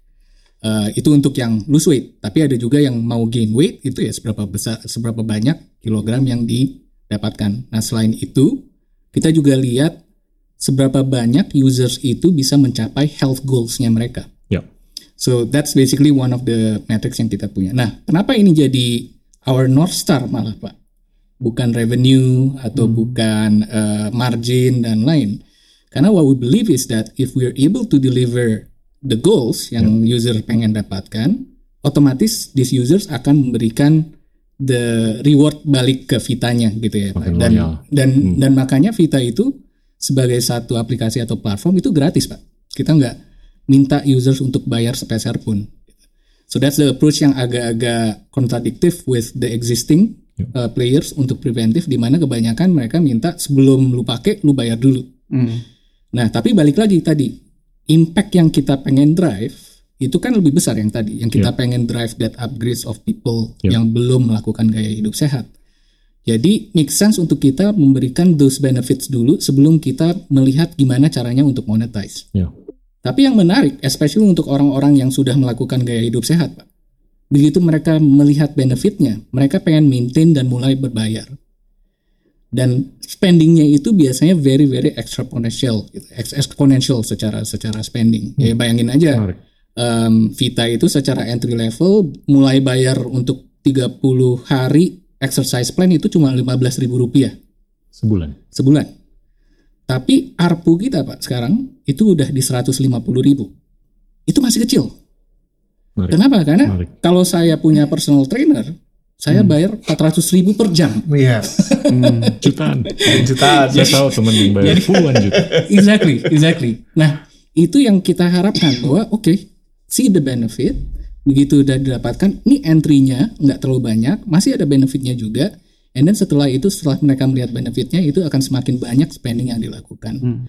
That's why buat buat Vita, uh, a lot of the collaboration yang kita lakukan dengan Telkomsel itu dimulai dengan pembandlingan uh, Vita services dengan telco data uh, packages gitu ya. Karena itu sesuatu yang emang orang butuhkan. Tapi setelah itu mulai terpisah Pak servisnya. Kita nggak perlu telco data lagi. Karena orang sudah mulai melihat manfaat-manfaat tersebut. Dan bayangkan saja bahwa yang namanya preventive health itu kenapa very lucrative? Karena there's still a lot of verticals yang bisa kita kembangkan secara monetization Pak di ke depannya. Sportswear, Ya. uh, vitamins, supplements, right? Uh, in the future, there's a lot of things yang kita Apalagi bisa jamu. lihat. Jamu. jadi, jadi itu sih apa prinsip yang yang kita uh, Selain weight loss apa aja yang diukur? jadi selain weight loss kita juga melihat eh, kita kita menggunakan calorie deficit as our core untuk weight lossnya itu, eh, tapi kita juga mengukur eh, mulai mengukur em, heart rate dan lain data-data yang kita bisa dapatkan dari phones itu udah mulai semakin berkembang ya pak ya, Eh, dan juga kita melihat improvements dari karena karena kita ada yang namanya exercise plan, meal plan, jadi dari situ kita juga ada guidance dari coach untuk melihat improvements dari fisik dan lain yang yang kita bisa ukur gitu. Tapi balik lagi bahwa sebisa mungkin kita menggunakan digital ways untuk mendapatkan data-data dari users. Eh, tapi at the same time untuk preventive health ini tetap ada monitoring fisik yang harus dilakukan, tapi bisa berupa virtual juga. Kalau Yang sampai HbA1c, LDL, HDL gitu sampai sampai diukur nggak? Belum, Pak, belum. Tapi itu something yang kita lihat akan kita kembangkan, terutama untuk again eh, beberapa chronic disease yang bisa kita automate. Contohnya adalah diabetes. Hmm. Jadi diabetes itu, um, you know, glucose level itu something yang sekarang itu kan masih berupa sistem prick ya, Pak. Ya. Nah sayangnya sistem prick itu bisa dimanipulasi oleh usernya kalau mau. gitu kan. Betul.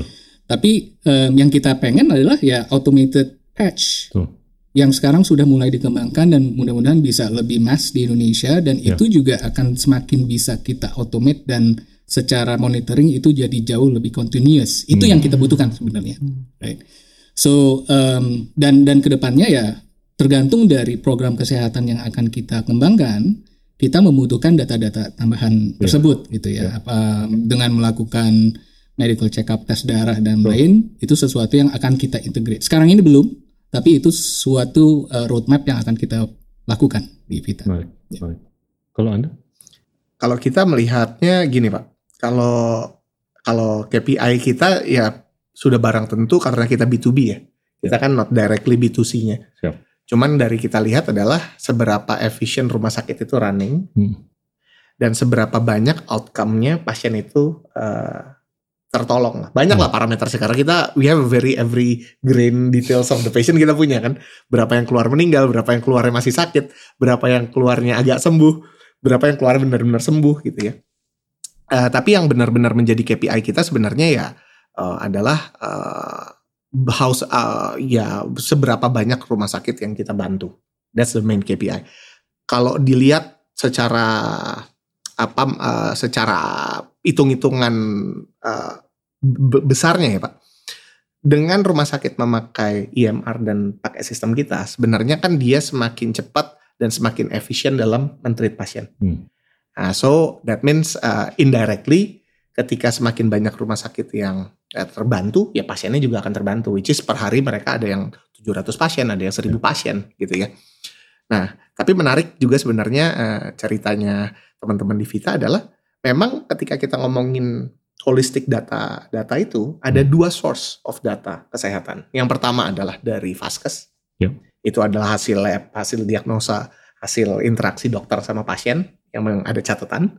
Terus ada yang sebenarnya masih diabaikan secondary datanya. Hmm. Padahal itu yang menempel sama kita. Hmm. Ini kayak beginian kan nih jam smartwatch gitu ya. Hmm. Ini kan sebenarnya data yang yang bisa dibilang real time dan sangat cukup akurat lah ya gitu. Nah ini memang sekarang yang lagi kita mau lakukan di asosiasi juga gitu ya.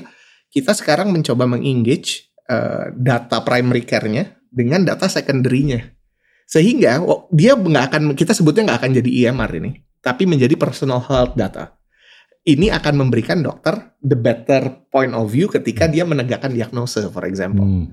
Ketika dia datang dengan keluhan, aduh kaki saya nih, ini otot saya kayaknya cedera tapi kan di data dari data dari apa jam dari hmm. da, aplikasi-aplikasi kesehatan bisa kelihatan oh iya iyalah kamu kemarin treadmill eh, nggak berhenti tiga jam terus ini space-nya kencang atau enggak kamu kemarin hmm. uh, apa naik sepeda selama seminggu lima hari enam hari terus ini 50 kilo terus fondo kadang-kadang 100 gitu ya iya kamu sekarang punya masalah gitu nah that kind of thing sebenarnya yang at the end of the day akhirnya kalau tadinya dokter melihat cuma dari satu dimensi dengan data-data secondary ini dia bisa melihat oh ini tuh begini ya bentuknya ya gitu. sehingga dia bisa menegakkan diagnosa dan treatment yang lebih baik gitu jadi kalau balik lagi ke KPI yes uh, kita membantu rumah sakit tapi harapannya dengan kita bantu rumah sakit makin banyak orang sehat yang keluar dari rumah sakit seperti itu sih pak oh, Mm -hmm. Oke, saya mau switch topik mengenai pendanaan. Ya. Oke deh, secara umum aja mengenai pendanaan ke depan gimana nih? Oke. Okay. Mau ngomong secara makro, okay. secara company atau okay. apa gitu? Uh, sadly ya Pak, -hmm. kalau saya boleh sedikit terbuka di sini. Jadi memang kalau di cap table kita, most of our investor kecuali Telkomsel, untung sekali kita punya Telkomsel, gitu ya. Secara secara cap table kita uh, investor-investor yang masuk di pre-series kita di uh, pre-A kemarin di apa di uh, E di E ini adalah dari luar, Pak. Yeah. Jadi ada yang dari US base, ada yang dari Jepang, ada yang dari Singapura, yeah. ada yang dari uh, Thailand gitu ya. Hmm. Uh, apakah pertanyaannya kita nggak ketemu dengan local VC gitu ya? Iya. Yeah. Local VC juga dananya dari luar. yeah, you you know better, you know better.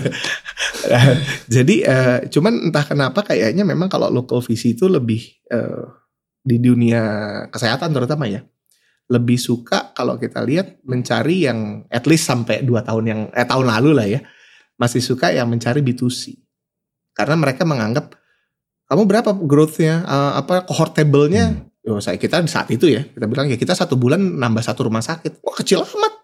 Gitu. Kenapa kamu nggak switch model jadi kayak Halodoc? Gitu. Atau kayak telemedicine platform dia bisa ribuan pelanggan per minggu naik terus. Uh, oke. Okay. gitu. It's a very apa ya kayak oke okay, ya udah deh kita kayaknya nggak usah bicara dulu deh gitu. Nah nah sadly maksudnya tapi itu buat kita sih jadi ya uh, blessing in disguise untungnya teman-teman yang di luar mereka lebih menyadari value yang model B2B yeah. karena mereka lihat ya this is the this is not like a growth totally Iya. Yeah. It's a no-brainer. Iya yeah, gitu. Betul Pak. Dan itu jadi kalau landscape yang kita alami, saya nggak tahu nanti mungkin teman-teman Vita bisa share juga. Tapi at least di Zikir yang kita alami uh, ketika kita kalau ketemu visi udah 100 200-an kali Pak dan lokal juga udah puluhan loh Pak all those big names we already met gitu ya. Termasuk om dan tante ya. Ya. udah udah. Friend and family. Friend and ini angel angel Om- papi. Om dan tante. Om dan tante. Mertua kalau Cuma laki angelnya sih gitu ya, mertua gitu. Mereka mau membantu gitu. Dan cuman eh, kalau yang yang visi-visi yang established gitu ya, mereka lebih punya satu tesis yang mereka suka lebih suka replicate. Jadi kayak room for innovations, room for diversificationsnya masih very little dibandingin visi luar. Gitu. Kalau itu sih dari yang kita alami gitu sih, Pak. Maybe. I mean, kalau misalnya saya compare dengan pengalaman saya di startup sebelumnya ya Pak ya, of course saya akui bahwa pendanaan untuk tahun ini dan mungkin satu tahun ke depan itu lebih sulit, jauh lebih sulit. ya. Of course, secara secara matrix itu pasti ada perubahan yang tadinya fokusnya cuma acquisition, question is retention. Yang cuma ngelihat revenue, tapi juga ngelihat revenue and gross profit Ya. gitu kan path to profitability-nya seperti apa gitu. Jadi itu memang sesuatu yang harus kita adapt. Tapi at the same time yang saya lihat bahwa sebenarnya dananya itu nggak berkurang. Hmm. Sebenarnya especially untuk Oh, iya. Indonesia as a country gitu ya Pak ya. Is is something yang um, a lot of investors are trying to kind of put money into the country gitu at the same time.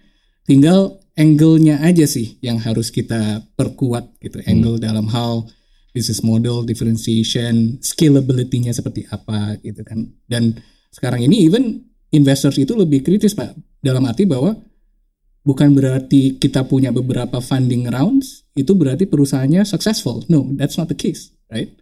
You need to actually see what's the the, the totality of what's the end game-nya juga gitu kan ya for for that company. Um, so so that's what I'm seeing gitu. Kalau misalnya saya compare know, startup sebelumnya dengan Vita. Nah, tapi at the same time Vita itu ada additional challenge. Additional challenge-nya itu adalah bahwa untuk company seperti Vita di mana majority shareholder-nya itu bukan the founders, bukan the C-levels, tapi the corporate yang membacking kita, eh, itu juga appetite-nya nggak semuanya melihat it's it's something yang bagus gitu ya. Jadi masih banyak di luar sana VCs itu yang cenderung founders focus. Sehingga secara majority of shares itu tetap harus dari foundersnya gitu kan. Nah ini yang menurut saya juga ke depannya itu akan ada pembelajaran. Kenapa? Karena ya yang saya bilang eh, Bapak Gita bilang tadi gitu bahwa kalau saya jadi entrepreneur melihat apa yang Telkomsel bisa bawa, it's a dream come true pak. Saya nggak perlu mikir about acquisition, saya nggak perlu mikir about scalability or go to market to drive revenue, right? So from an impact perspective, social impact yang bisa di drive. Kalau misalnya biasa. saya compare, saya bikin Vita sendiri dibandingkan Wah, saya bikin berat. Vita dengan Telkomsel, it's just totally different, Makanya. right? Existential. Ya, exactly, right? So ini essence yang kelihatannya masih belum bisa digait oleh most VCs bisa dibilang gitu ya. It's something yang kelihatannya hanya specific VCs yang understand that value of Yeah. corporate backed startup. Dan ini again pembelajaran yang kelihatannya harus di terus menerus di Dan mungkin Hmm, silakan. tambahan pak. Tambahan. Kalau dari beberapa diskusi dengan beberapa visi yang saya pernah lakukan gitu, memang rata-rata visi itu punya tesisnya sendiri-sendiri gitu ya. Mereka punya akan fokus di bidang apa di bidang apa. Cuman ada satu istilah uh, follow on funding gitu ya. Ini yang menyebabkan jadi FOMO sebenarnya. Harus ada semacam Iya. trendsetternya. Mungkin Ya. Belum masuk tren aja kali Mas gitu kan. Jadi Ya, kita kurang jomo. kurang jomo ya Pak. Lebih ke follower. ya. Joy of missing out. Joy Yes. nah, dan banyak kan FOMO Pak. Jadi eh, kalau ada kalau satu startup itu sudah diinvest sama sama visi yang cukup bonafit, Hmm. nggak perlu mikir. Udah even kadang mungkin bisa jadi melanggar tesisnya sendiri kan. Hmm, Udah pasti bagus karena sudah ada yang memvalidasi siap. gitu. Eh, itu mungkin tadi kurang belum belum dapat trennya aja. Nanti kalau dapat satu investor dari luar yang cukup bonafit, orang lihat oh di siapa follow, siapa investornya?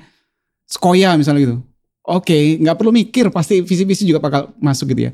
Cuman eh, menariknya kan Pak sekarang mudah-mudahan akan ada perubahan besar karena kan juga pemerintah membangun Merah Putih Fund kan. Ya. Yang memang secara objektif itu kan pengen mem- ikut membangun dan membesarkan Ya. digital ekonomi dunia, dunia startup di Indonesia gitu kan. Mudah-mudahan itu bisa menjadi motor lah semacam itu. Akhir-akhir ini saya cukup sering ngobrol mengenai fulus. Hmm. Hmm. Ini cukup struktural keterbatasannya. Kalau kita ukur rasio uang beredar Mhm. terhadap PDB kita itu cuma 40%. Iya. Kecil sekali. Rasio perbankan kita terhadap PDB cuman kurang lebih 45%.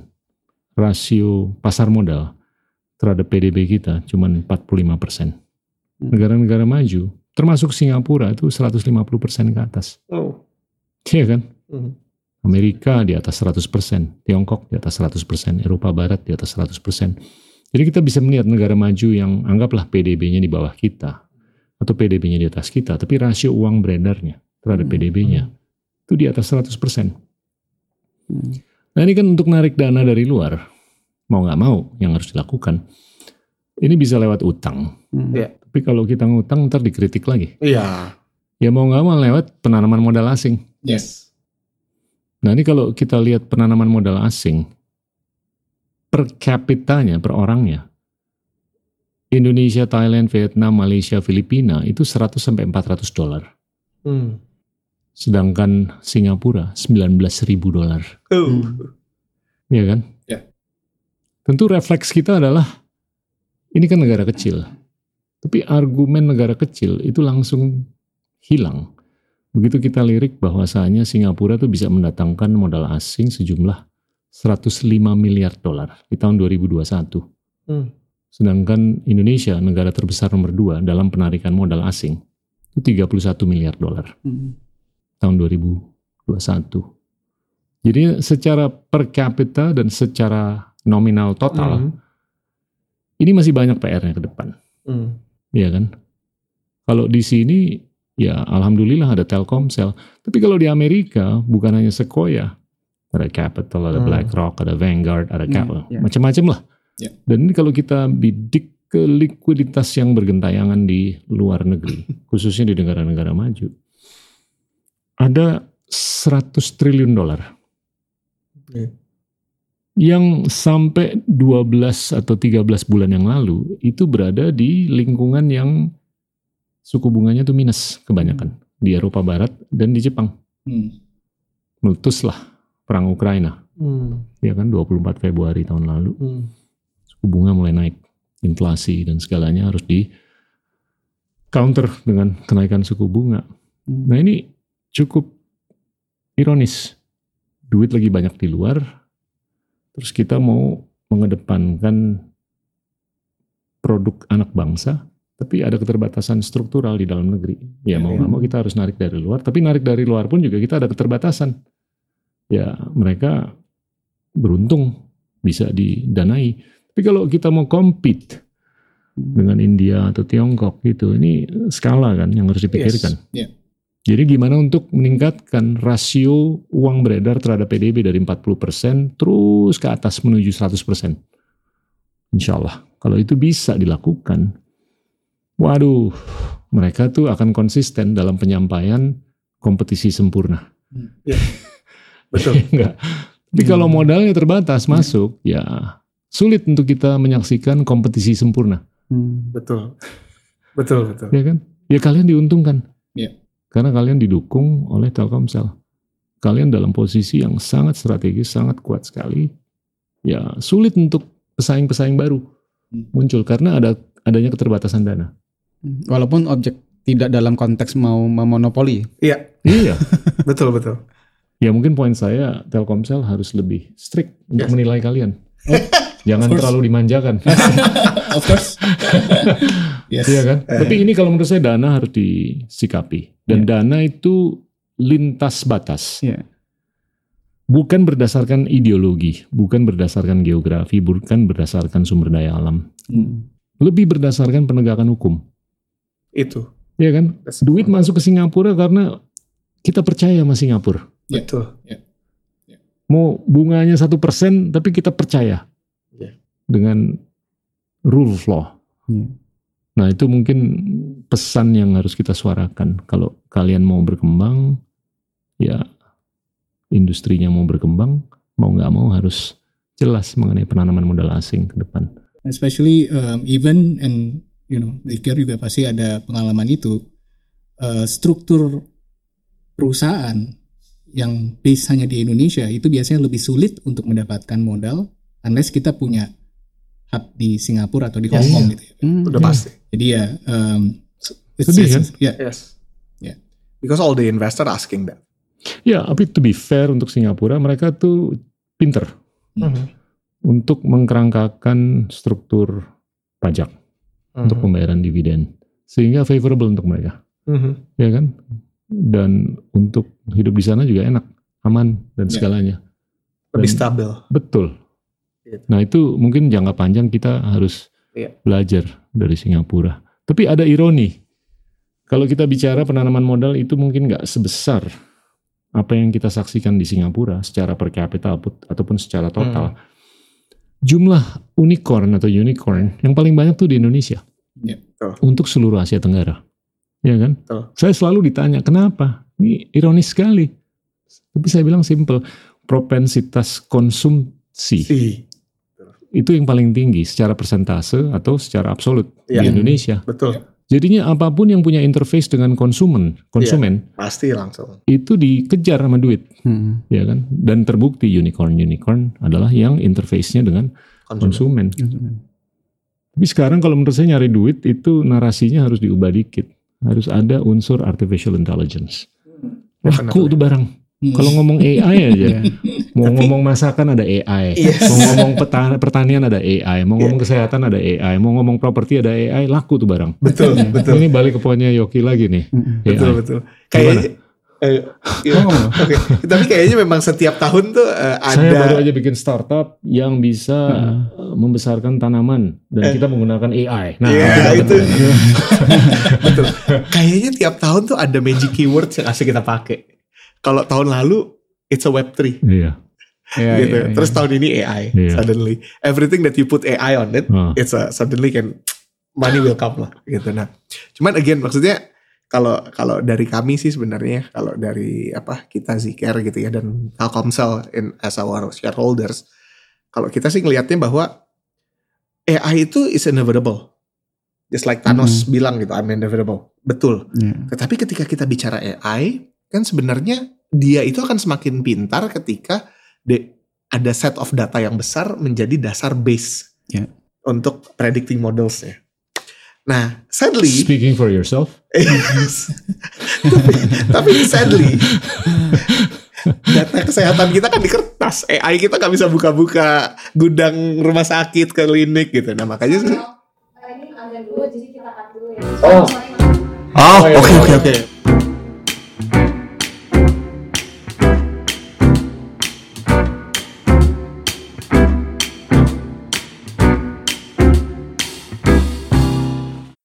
Terus gimana? Soal AI. Nah, Oke. Jadi kalau ngomongin AI di industri kesehatan is a very unique ya karena AI itu akan semakin pintar eh, sejajar dengan jumlah datanya yang dia sets of data yang dia punya. Nah, sadly sekarang kan yang di Indonesia kalau kita mau ngomongin AI di dunia kesehatan datanya masih di kertas. Kalau kita mau ngomongin oh kita kan tapi punya sampel data dari orang Eropa, dari negara Eropa atau dari negara dari Amerika. Tapi kalau kita ngomongin kesehatan, we have to remember that actually DNA matters gitu. Jadi kalau ada strain-strain antibiotik yang lebih cocok untuk tipe Asia, ada strain antibiotik yang cocoknya untuk uh, orang-orang uh, Eropa. Hmm. Nah, sedangkan AI ini pasti banget dibangun build based on Europeans people gitu. Nah, artinya kalau kita mau bikin AI ini lebih pinter untuk kesehatan Indonesia, we have to give them also feed them also with the local data. Nah, inilah sebenarnya apa eh, salah satu cara kita untuk eh, membantu nanti ketika on top semua rumah sakit klinik kita sudah digital. AI itu that's the next logical things yang akan kita eh, apa namanya embed di dalam solusi kita pasti eh, vertically ya hmm. gitu. Nah, dan memang kayaknya AI is the magic word for the investment lah sekarang this year. gimana Rik?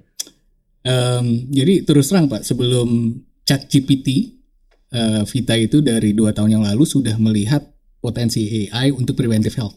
Ya. Dan kita sudah apply itu sebelum tahun 2022 malah. Jadi 2021 udah kita apply.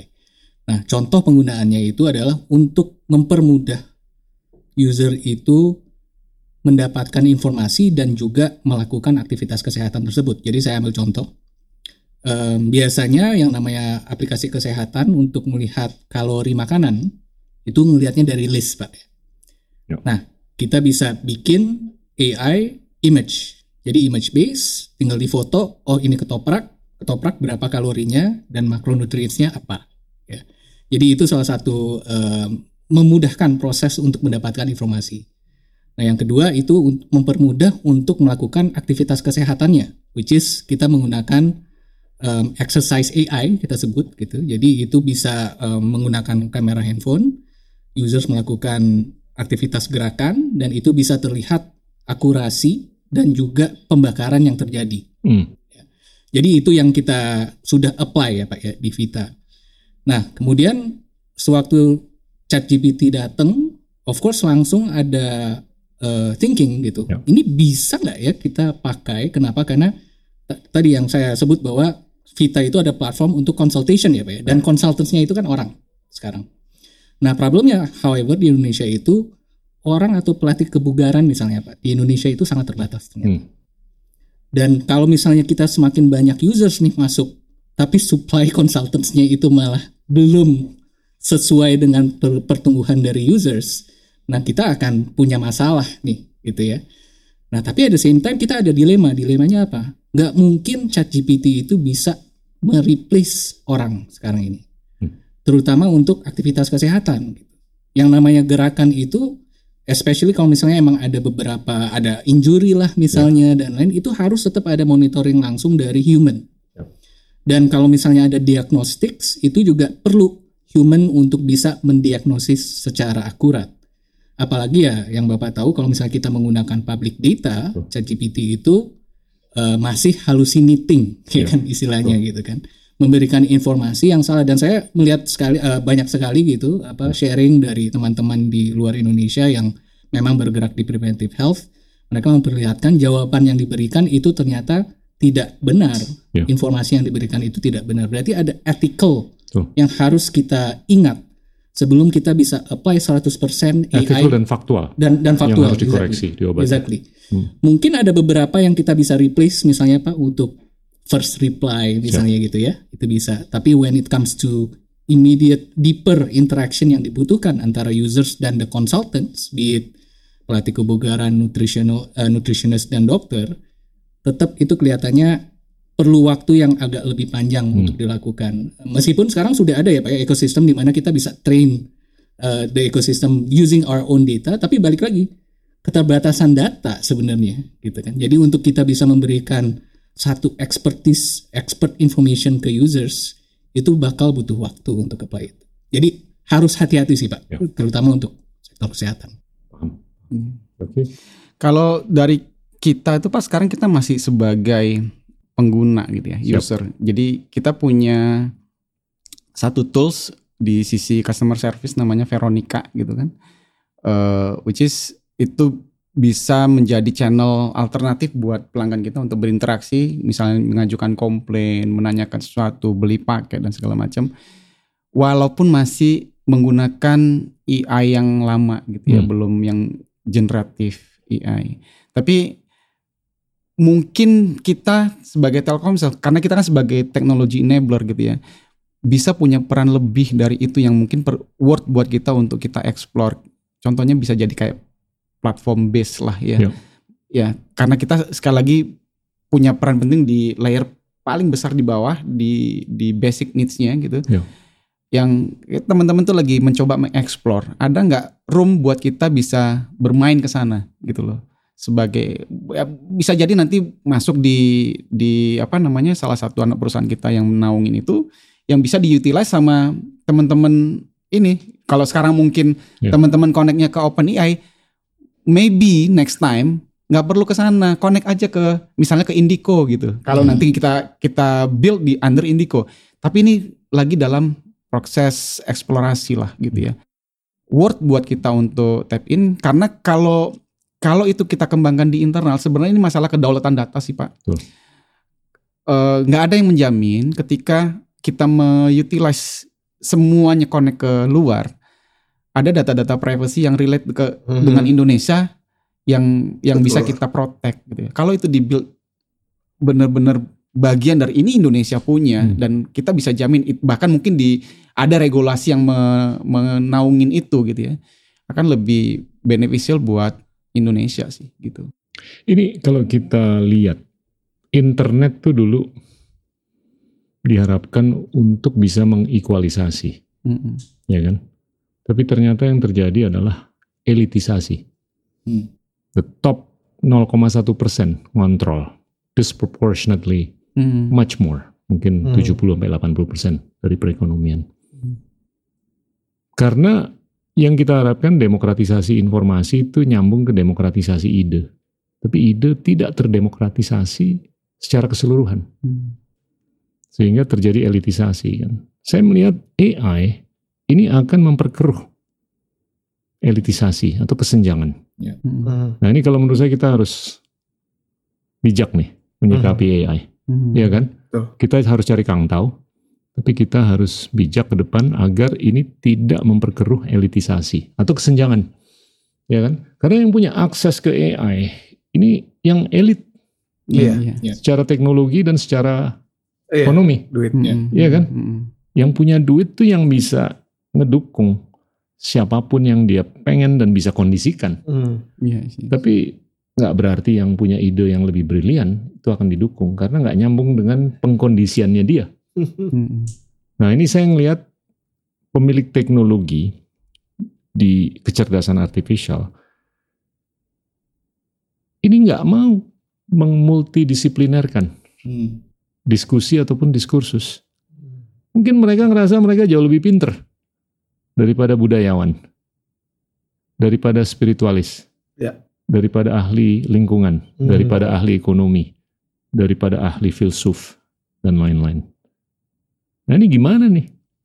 Kita udah melihat, ya saya nyoba pertama kali ChatGPT mengkerangkakan sesuatu, halusinasi yang terjadi itu salah secara faktual, Hmm. salah secara moral, salah secara etis.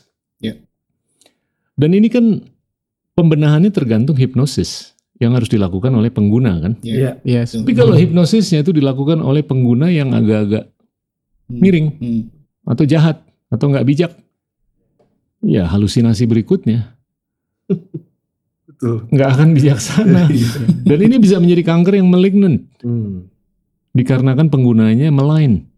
Mm. Nah ini gimana nih? Kalau menurut saya harus dilibatkan budayawan dan lain-lain. Tapi problemnya yang saya lihat, kebetulan saya kan sekarang ya tinggal di Palo Alto, itu saya melihat teknolog tuh nggak sabar. Karena mereka ngerasa mereka lebih pinter daripada Iya. yang lain. Iya. Ya tentunya mereka menguasai lingkup Teknologi. ini kan. Iya. Mm. Tapi kadangkala yang dirasakan tuh bukan hanya kesempitan, tapi arogansi. Hmm. Nah ini kalau menurut saya bisa distopian. Mhm. Betul sih. Nah, yang tempting adalah kalau kita mengacu ke analisa para pundit ya. Ini AI delta ekonominya untuk 10 tahun ke depan kurang lebih 100 triliun dolar. Hmm. Ini bisa diaplikasikan ke pertanian kayak Iya. peternakan kayak properti kayak energi kayak kedokteran kayak kesehatan kayak pendidikan dan lain-lain.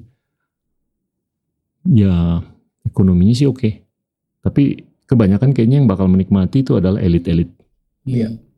Terus kedua, kalau ekonominya maju, tapi kalau majunya nggak dengan cara yang bijaksana, gimana nih? Oke. Mungkin kalau saya dari sisi lebih ke fundamental teknisnya ya, Pak. Hmm, Dan saya mungkin bisa memahami cara berpikir teman-teman dari sisi teknologi because I'm a computer scientist myself. Siap. Jadi sebenarnya AI itu kan simplifikasi dari kalau kita mau coba jelaskan very oversimplified version ya. AI itu adalah a pattern recognitions. Dia mempelajari patterns dari sets of data gitu ya untuk dia bisa memberikan eh, apa namanya masukan atau output kita bisa bilang output lah. Nah, menariknya yang Pak Gita sampaikan tadi bahwa eh, ini perlu melibatkan multisectorals. It's a- it's very true Pak. Karena apa?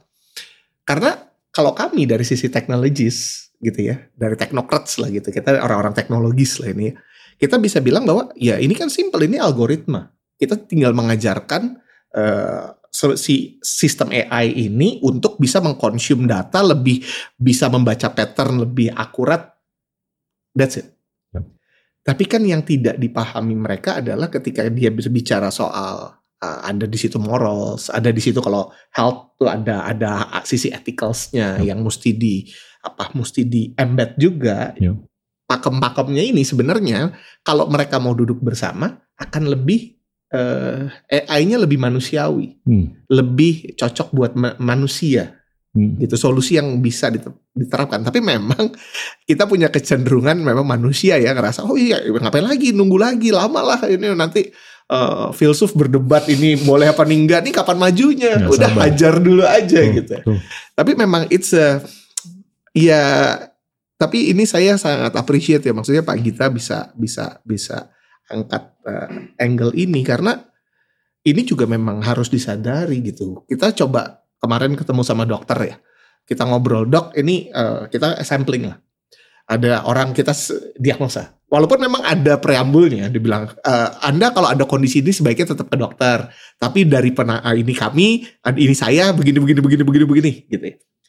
ada yang benar tapi ada yang berbahaya karena Hmm. ada aspek lain ternyata entah nih AI-nya belum komplit gitu ya yang ternyata contohnya obat yang dikasih ini ada interaksinya ada yang menyebabkan ini menjadi could be fatal Hmm. gitu. Ini kalau perusahaan teknologi ngerasa kayak, oh ini udah matang nih teknologi AI kita pakai deh.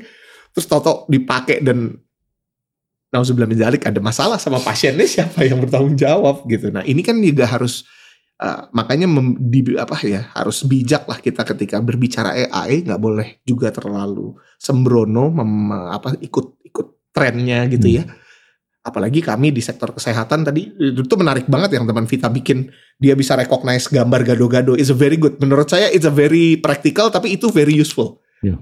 Itu menurut saya yang perlu dikembangin karena saya pakai aplikasi lain. Eh, contoh ada nom coach lah atau apa. Saya mesti input tuh gado-gado kalorinya segini cari di Google gitu. Eh, Saya I wish ada aplikasi yang bisa foto terus kasih tahu oh nutrisi ini. Jadi saya lebih rajin untuk kalori Olahraga. intake saya. nah gitu. Nah itu mungkin sebenarnya yang eh, yang yang apa eh, kita bisa apa kembangkan lebih gitu ya dibanding kita sekarang merasa bahwa AI ini bisa langsung 100% mereplace eh, apa wisdom. Iya. Bukan knowledge ya, tapi wisdom. Iya. Gitu. Itu yang perlu kita waspadai. Menurut saya itu sih, Pak. Ininya. Iya.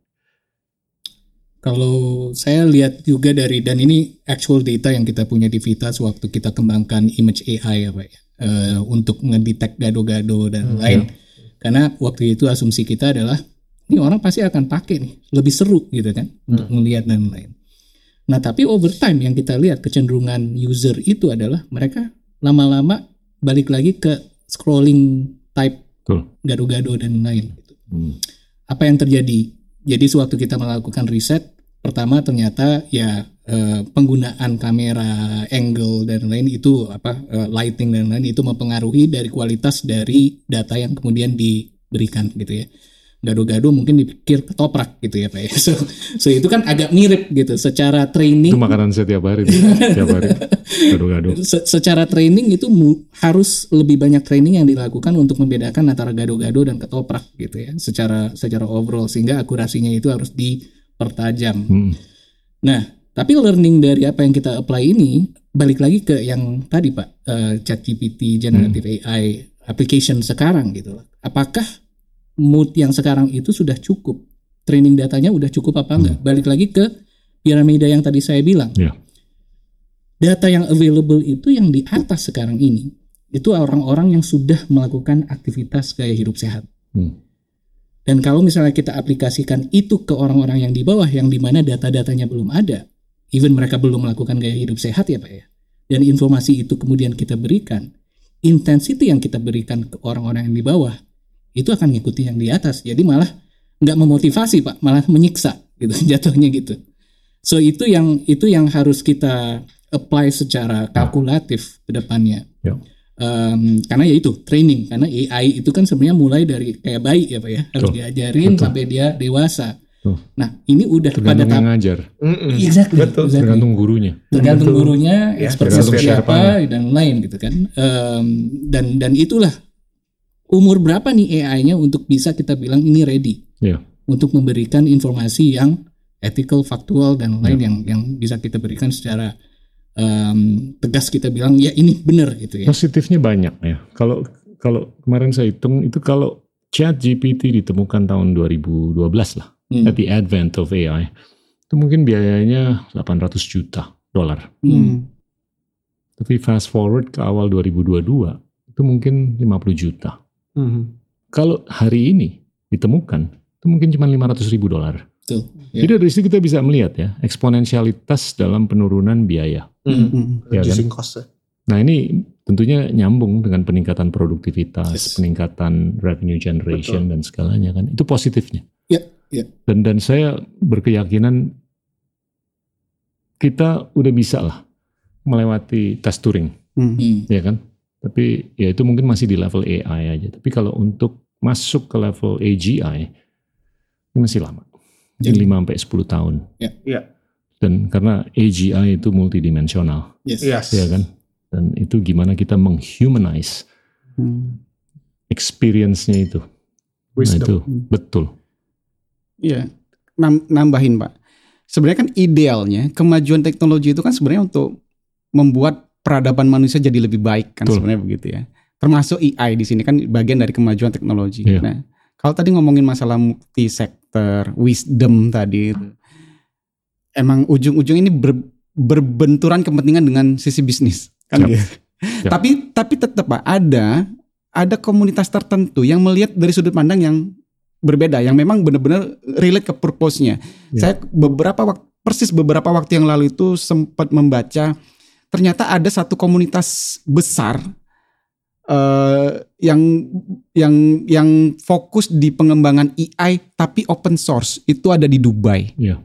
Saya lupa namanya, tapi ada itu Pak. Ternyata yang memang mereka fokus dan itu dia meng- mengengage multisektor untuk mendapatkan wisdom tadi. Jadi nggak jangan sampai nanti kayak eh, kayak pisau ini justru mak Setuju. tajamnya doang yang Hmm. untuk Setuju. hal yang negatif gitu kan. Setuju. Ada itu Pak ternyata. Saya, saya tuh di kubu yang tetap ini intuisi ya. Iya. Tetap percaya bahwa untuk sementara sebaiknya open source. Hmm. Iya. Dan Iya. kalau bisa senon profit mungkin. Iya. Ya kan? Itu yang akan memaksa kita untuk memultidisiplinerkan. Iya, betul. Ya kan? Betul. Tapi di saat siapa pun mengubah, mengpivot dari open ke closed source, mengpivot dari not for profit, for a lot of profit, Iya. Yes. ya mohon maaf, ini arahnya bakal elitisasi. Hmm. Ya kan? Ya. Ya. Siap-siap aja. Iya. Dan kalau saya lihat Pak, sebenarnya nih sama Pak, mirip sama blockchain. Iya. Dua tahun yang lalu. Iya. Blockchain is a very good concept and secara teknologi is same. Apa Iya. itu masuk bahwa kita mendistribusikan Saya percaya dengan blockchain. yes. Karena itu democratizer. Betul. Hmm. Tetapi yang menjadi isu Hmm. ketika ini Hmm. di-involve sama duit, Hmm. lahirlah cryptocurrency. Hmm. Cryptocurrency ini ketemulah orang yang memang taking profits yang biasa main goreng-goreng ini segala macam. Kalau Ah. saya beda ya mengenai kripto dibanding mengenai Bitcoin. Yes, Saya bisa membedakan dua. yes betul. Nah, Tapi takutnya AI kalau sampai kayak blockchain, dia teknologinya sane tapi dipakai terlalu cepat untuk monetizations untuk taking profits. Ini teknologinya belum belum mature, akhirnya ekonomi yang dibuild on top of that juga fragile. Itu, itu sih ininya sih pak. Makanya nih kita harus aware apa hati-hati lah ekstra Ya. extra careful on the AI sih. Dan sampai kita mengulangi isu blockchain. ini kita udah lama nih Yogi. Ada pesan-pesan akhir? Ya, eh, kalau dari saya Pak ya, eh, sebenarnya kita sekali lagi ini tentang kedaulatan eh, digital ekonomi Indonesia lah bisa dibilang begitu. banyak loh eh, eh, apa namanya eh, masyarakat Indonesia bahkan masih muda-muda gitu yang talented gitu pak. Yang kita bisa lihat di sini contohnya ada Mas Ray ada Mas Jesse gitu ya yang benar-benar punya ide-ide yang cukup berlian untuk bisa membantu mengembangkan digital Ya. eh, things yang related dengan apa pun itu. Contohnya di sini di dunia kesehatan kita bisa membuat dunia kesehatan Indonesia jadi jauh lebih baik gitu ya.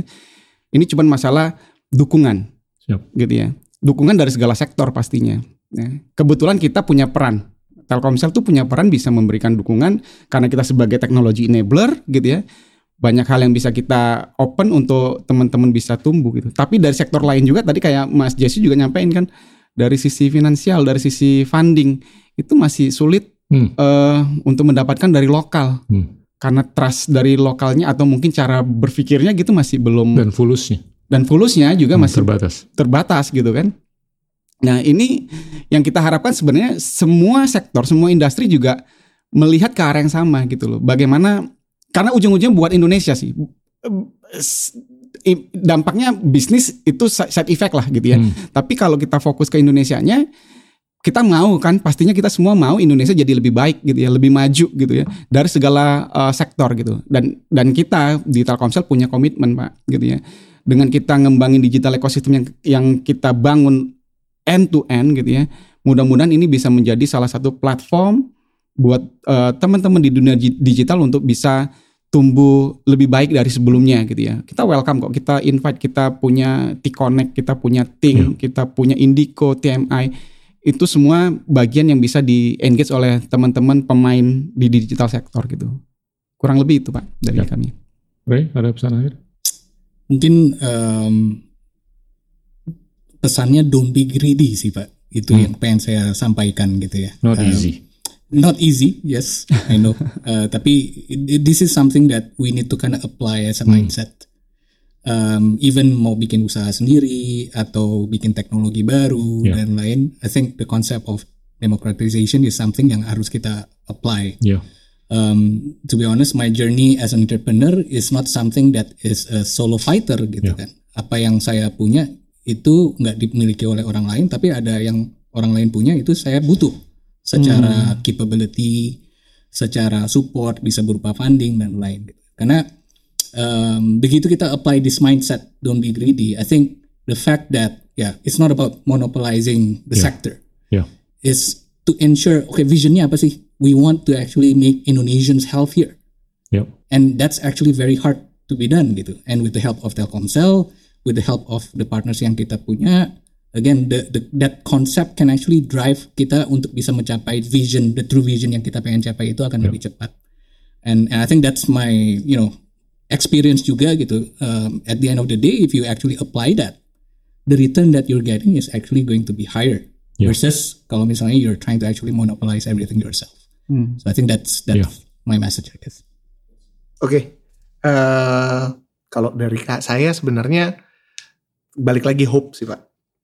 Never lose hope on uh, this step ya. Ya. Especially in the healthcare sector.